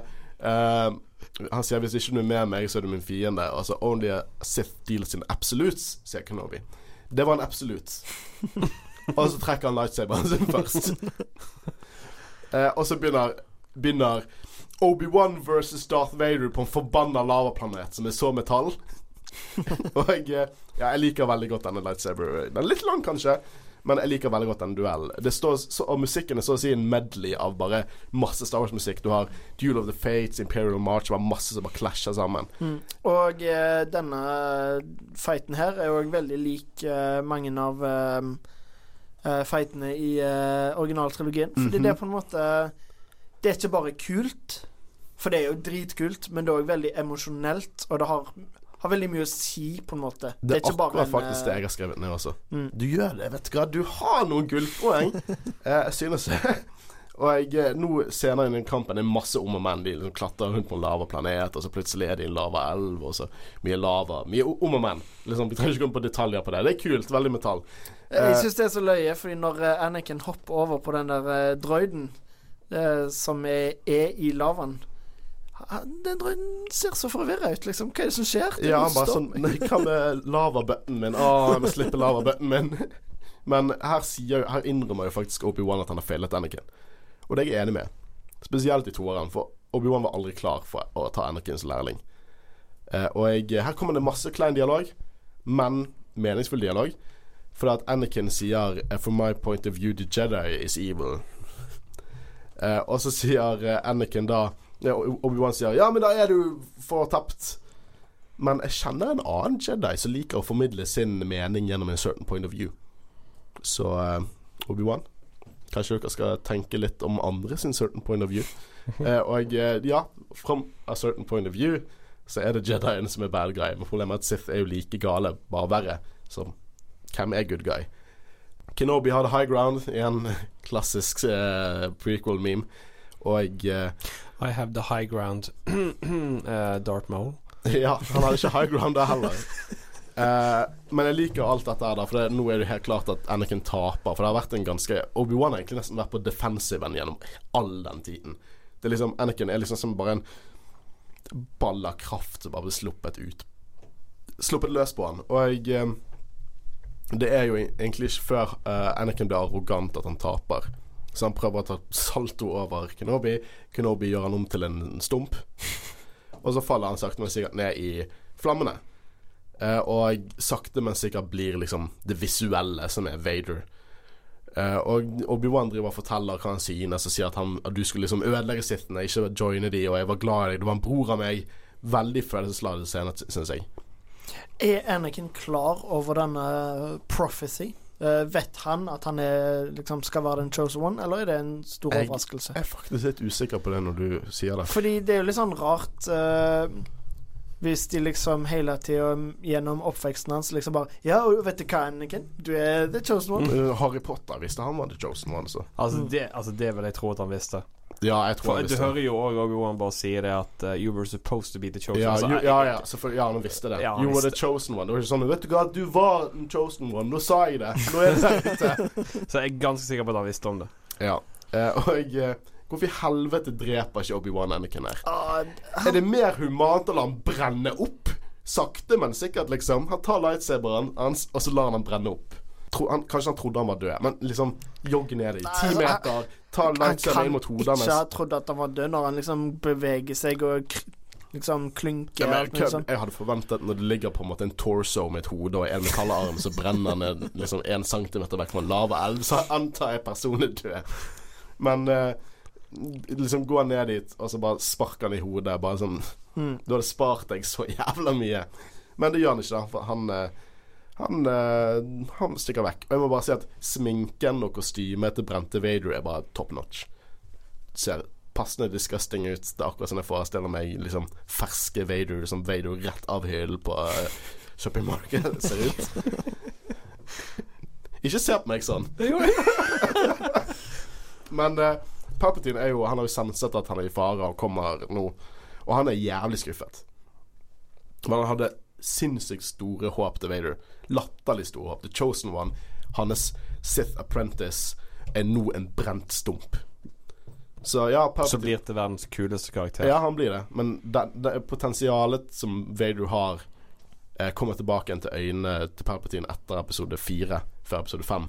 Det er da han skjønner at han virkelig den, det, Så det, det gikk som så mange år før Ja, han ja. liksom virkelig De to hater hverandre intenst, og Palpatine er skuffet, men det kommer tilbake igjen. Men de, jeg tror at Anakin sånn så, Anakin, Dette her gjorde Anakin bare til en sterkere Sith. Den smerten og alt dette her bare Vader som klassisk Vader er mye sterkere enn hvis eh, Anakin bare hadde vært en hatt kroppen sin sånn som så Det Liksom, han er intens smerte. Alt dette her er sånn, sånn det, liksom, det er kontinuerlig fri dark side energy som bare pumper han med hat hele tiden.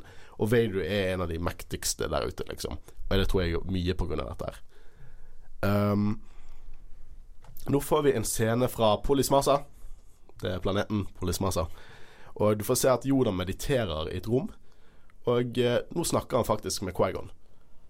Det han gjør der, er å snakke med Quaigon. Faktisk skulle Liam Neeson ha eh, dialog her, som de kuttet, for de følte det ble litt Ja, you Litt for on the nose. Faktisk Hvis du leser tegneserien, så har du faktisk snakkebowler med Quaigon. Den tegneserien er ikke noen viss canon lenger, men eh, ja, det er Quaigon han snakker med her. Eh, og jeg eh, Nå er det noe Det er noe oppbygging her. Og så bare la meg gå på denne lange Det er ikke en rant, det er bare en oppbygging. Padmay og Vader ankommer steder hvor de skal bli reddet.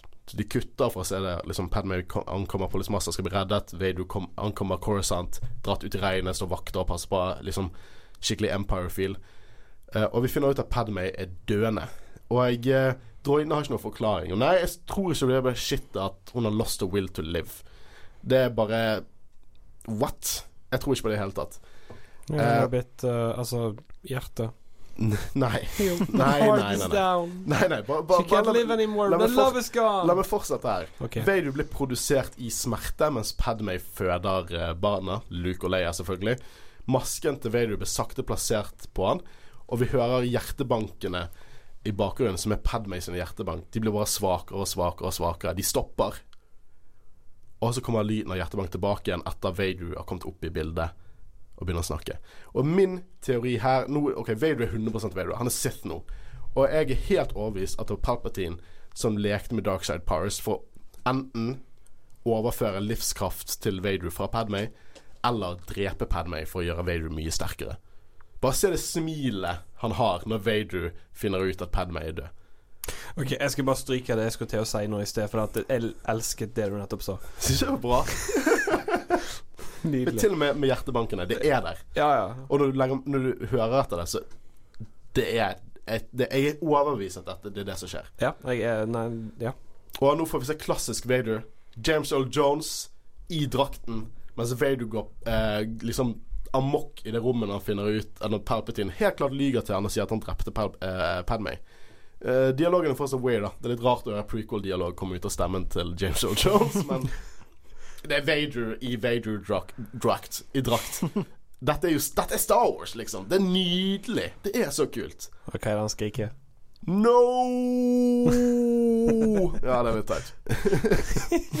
Faktisk, da Darth Vader, Dark Lord of the Sith, som en comic run på fire volum, starter rett etter kameraklipper her. De er fortsatt i rommet når den tegneserien starter. Um, har dere noe mer å si om på en måte disse scenene? Eller holdt jeg det ganske greit? Nei, det var ganske greit. Jo, takk, takk. Uh, og nå er det en møte på 10TV4. uh, og vi finner ut at uh, barna må bli skjult, de må bli gjemt eh, og være trygge. Så Organa, Bale Organa tar jo Leia til å bli en prinsesse over en fuckings planet, mens Luke blir en bonde på en ørkenplanet. Hos Ja, altså, onkelen sin. Jeg jeg, ja, men jeg ser det mange som har problemer med det, at det blir plassert med familien sin. Mest liksom Ikke på et skjult område. Men når du tenker deg om Haidan akkurat Gjemmer han akkurat der som han kommer fra De ville aldri tenke at eh, de ville gjemme han på det stedet der, sittelordene, hvis de hadde lett etter dem. Ja, for det, Darth Vader hater Tatooine. Han, Ja. han har ikke lyst til å ha noe med Tatooine å gjøre. Ja, akkurat. Så det var, egentlig så var det et genialt De, gjemmested. de skjuler han liksom helt åpent. Så på mange måter Det er en gamble, men Det var ja, jeg kan, jeg kan være enig med deg at det faktisk er en ting der. Men hvorfor kaller de den for Luke Det er det som er problemet. Hvorfor kaller de den Ja, det- Skywalker? det er- For det, det er liksom Der kan han bodd hvor som helst. Empire har jo Hvorfor ikke bare Luke Lars, eller noe sånt? Luke Luke Lars. Eller um... Luke Lars! Luke Lars! LL! med, med, med, med Chua og Louie. Chua Louie og Luke Lars. uh, men i hvert fall uh, De blir uh, plassert der, da. Og eh, Yoda snakker nå med Obi-Wan om at Quaigon på en måte har funnet, har funnet kraften til å leve gjennom The Force, og at han skal trene nå på Tatooine. Og det har vi snakket en del om. Om at Quaigon lever gjennom The Force, og det er kult at vi på en måte får det understreket i filmen også. Og Captain Antilles, han som senere ble drept av Vader i episode 4, og han er så vidt med i Rogue One, han eh, får droidene 3PO og R2D2, og 3PO sitt minne blir slettet, men R2 har alt inni seg. Så all kunnskap om det som har skjedd her, eh, er i R2 helt opp til Rise of Skywalker. Han har alt i seg. Så jeg vet ikke, jeg lurer, har litt teorier om også at de bruker R2D2 og C3PO til noen plot points i Rise of Skywalker, spesielt C3PO. Du ser i traileren han med røde øyne, men spekulering kommer vi til senere. Ja, ja. Jeg må bare si at jeg tror at mye av dette her eh, blir knyttet opp mot siste film. Eh, nå ser vi Padmay sin begravelse. Vi ser Jar Jar. Jar Jar, alt dette er din feil, din jævel. Og det de har gjort her, er at de fikk liket til Padmay til å se gravid ut for å skjule at barna har blitt født, sånn at Vader ikke skal tro at barna er der ute. Det er det som har skjedd her. Noen av de siste scenene som kommer opp her, er jo det at vi ser Empire. Vi ser grå Venator Class Star Destroyers, klassisk bro, Vader, Palpatine og Tarkin som står og overser Death Star som er bygget. Det er ganske kort tid før de eh, liksom embracer Empire-estetikken. Ja, og de, de kommer til å opprettholde kloner et par år til, og liksom, men eh, det skal ikke så mye til. Mm, Du maler de der røde stripene vekk. Og så. Death Star har blitt bygget i et par år nå, så da har du det. Um, om ikke dette Star Wars, har jeg ikke peiling. Holy shit, jeg elsker dette. Det er så kult. Og Vader som står der og liksom tar armene sine i kryss og bare ser utover det. Dette er liksom nye livet. Og nå får vi se Alderon. Ser litt ut som Nord-Europa, egentlig. Litt sånn Østerrike. Den Alpen, liksom. Det ser ganske koselig ut der. Eh, og vi får se, høre Leia-musikk mens eh, adoptivforeldrene på en måte holder Leia. Og vi får se Det siste vi får se i filmen, er at eh, Obi-Wan ankommer Tatooine og drar til gården til Owen og Beru og gir Luke til Beru. De går opp, og så ser de på Twin Sunset, og vi har Luke- Luke-musikken, og dette var konklusjonen av prequel-trilogien. Mange, mange år så tenkte vi dette var det siste vi kunne få, og hvis dette hadde vært det siste vi hadde fått, så hadde det fortsatt vært en veldig solid avslutning på sagaen. Ja, er Bygger perfekt opp mot originaltrilogien. Mm. Det, så jeg tenker nå kan vi egentlig gå litt gjennom generelt hva vi synes om filmen, og hva vi, kjenner, eh, vi synes om på en måte dette som en trilogi. Vi tar en bitte liten pause, for vi har snakket jævlig mye, og så kommer vi tilbake igjen, og så konkluderer vi denne sendingen.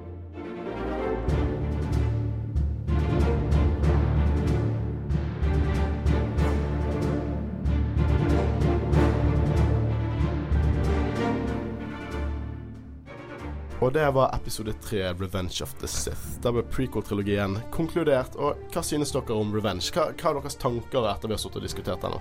Jeg digger den. Jeg altså, det er den beste i prequel-trilogien. Altså, den åpningsscenen fulgt med den lightsaber-duellen. Fy fader! Og så den landingen på uh, Coruscant etterpå. Ja. Det er dødskult. Det, for det, det jeg har alltid sagt om denne filmen, at jeg liker denne filmen. Jeg sier alltid sagt Dere skal sikkert hørt meg si det. Det er popkorn, men det er bra popkorn.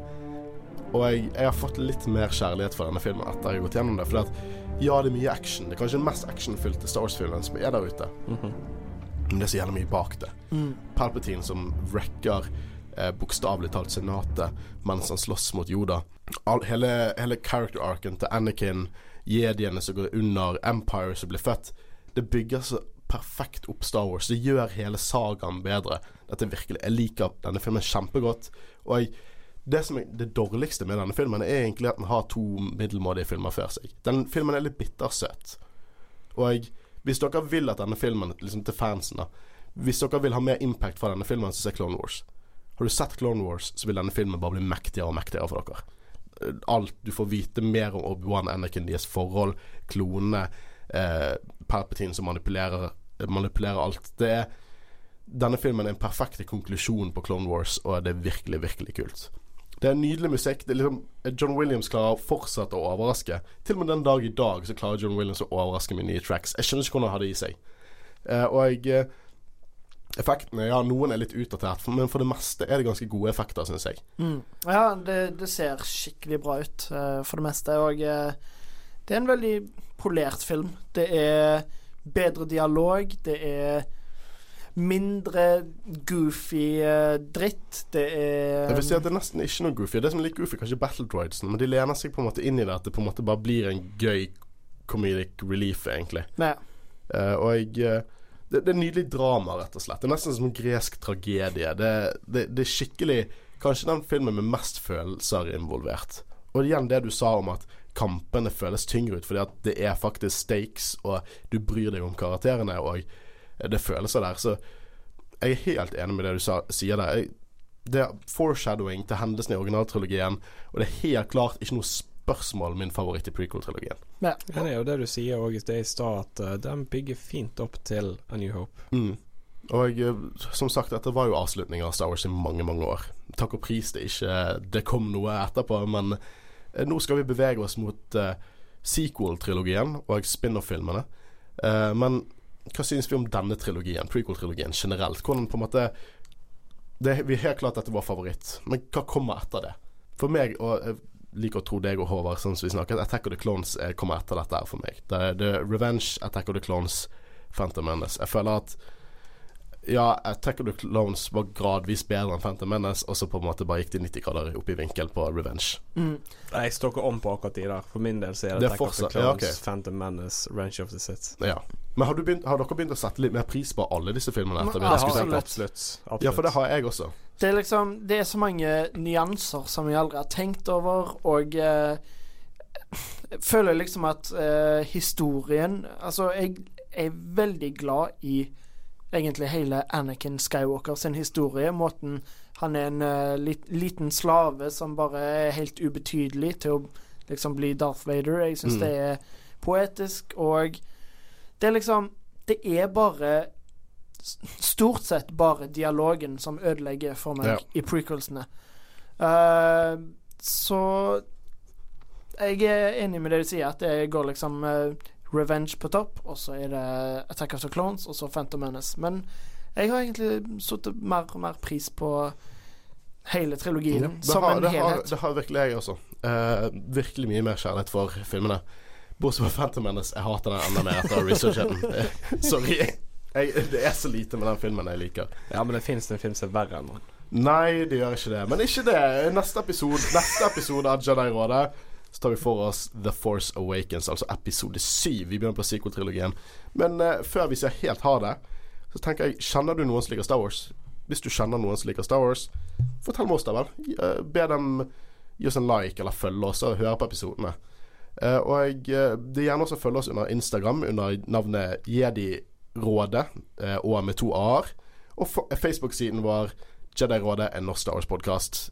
Litt sånn shameless markedsføring her, da. Men vi vil at folk skal høre meningene våre. Vi, vi heter også Jedi-rådet på Spotify. Du finner oss der, og du finner oss på alle podkastplattformer. Det du ønsker. Vi har også hørt at vi er på iTunes, og der er vi egentlig overalt.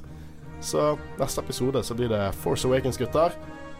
Mitt navn er Håkon Øren, og jeg sitter her i studio med Håvard Russ. Kristian Aspen. Vi snakkes.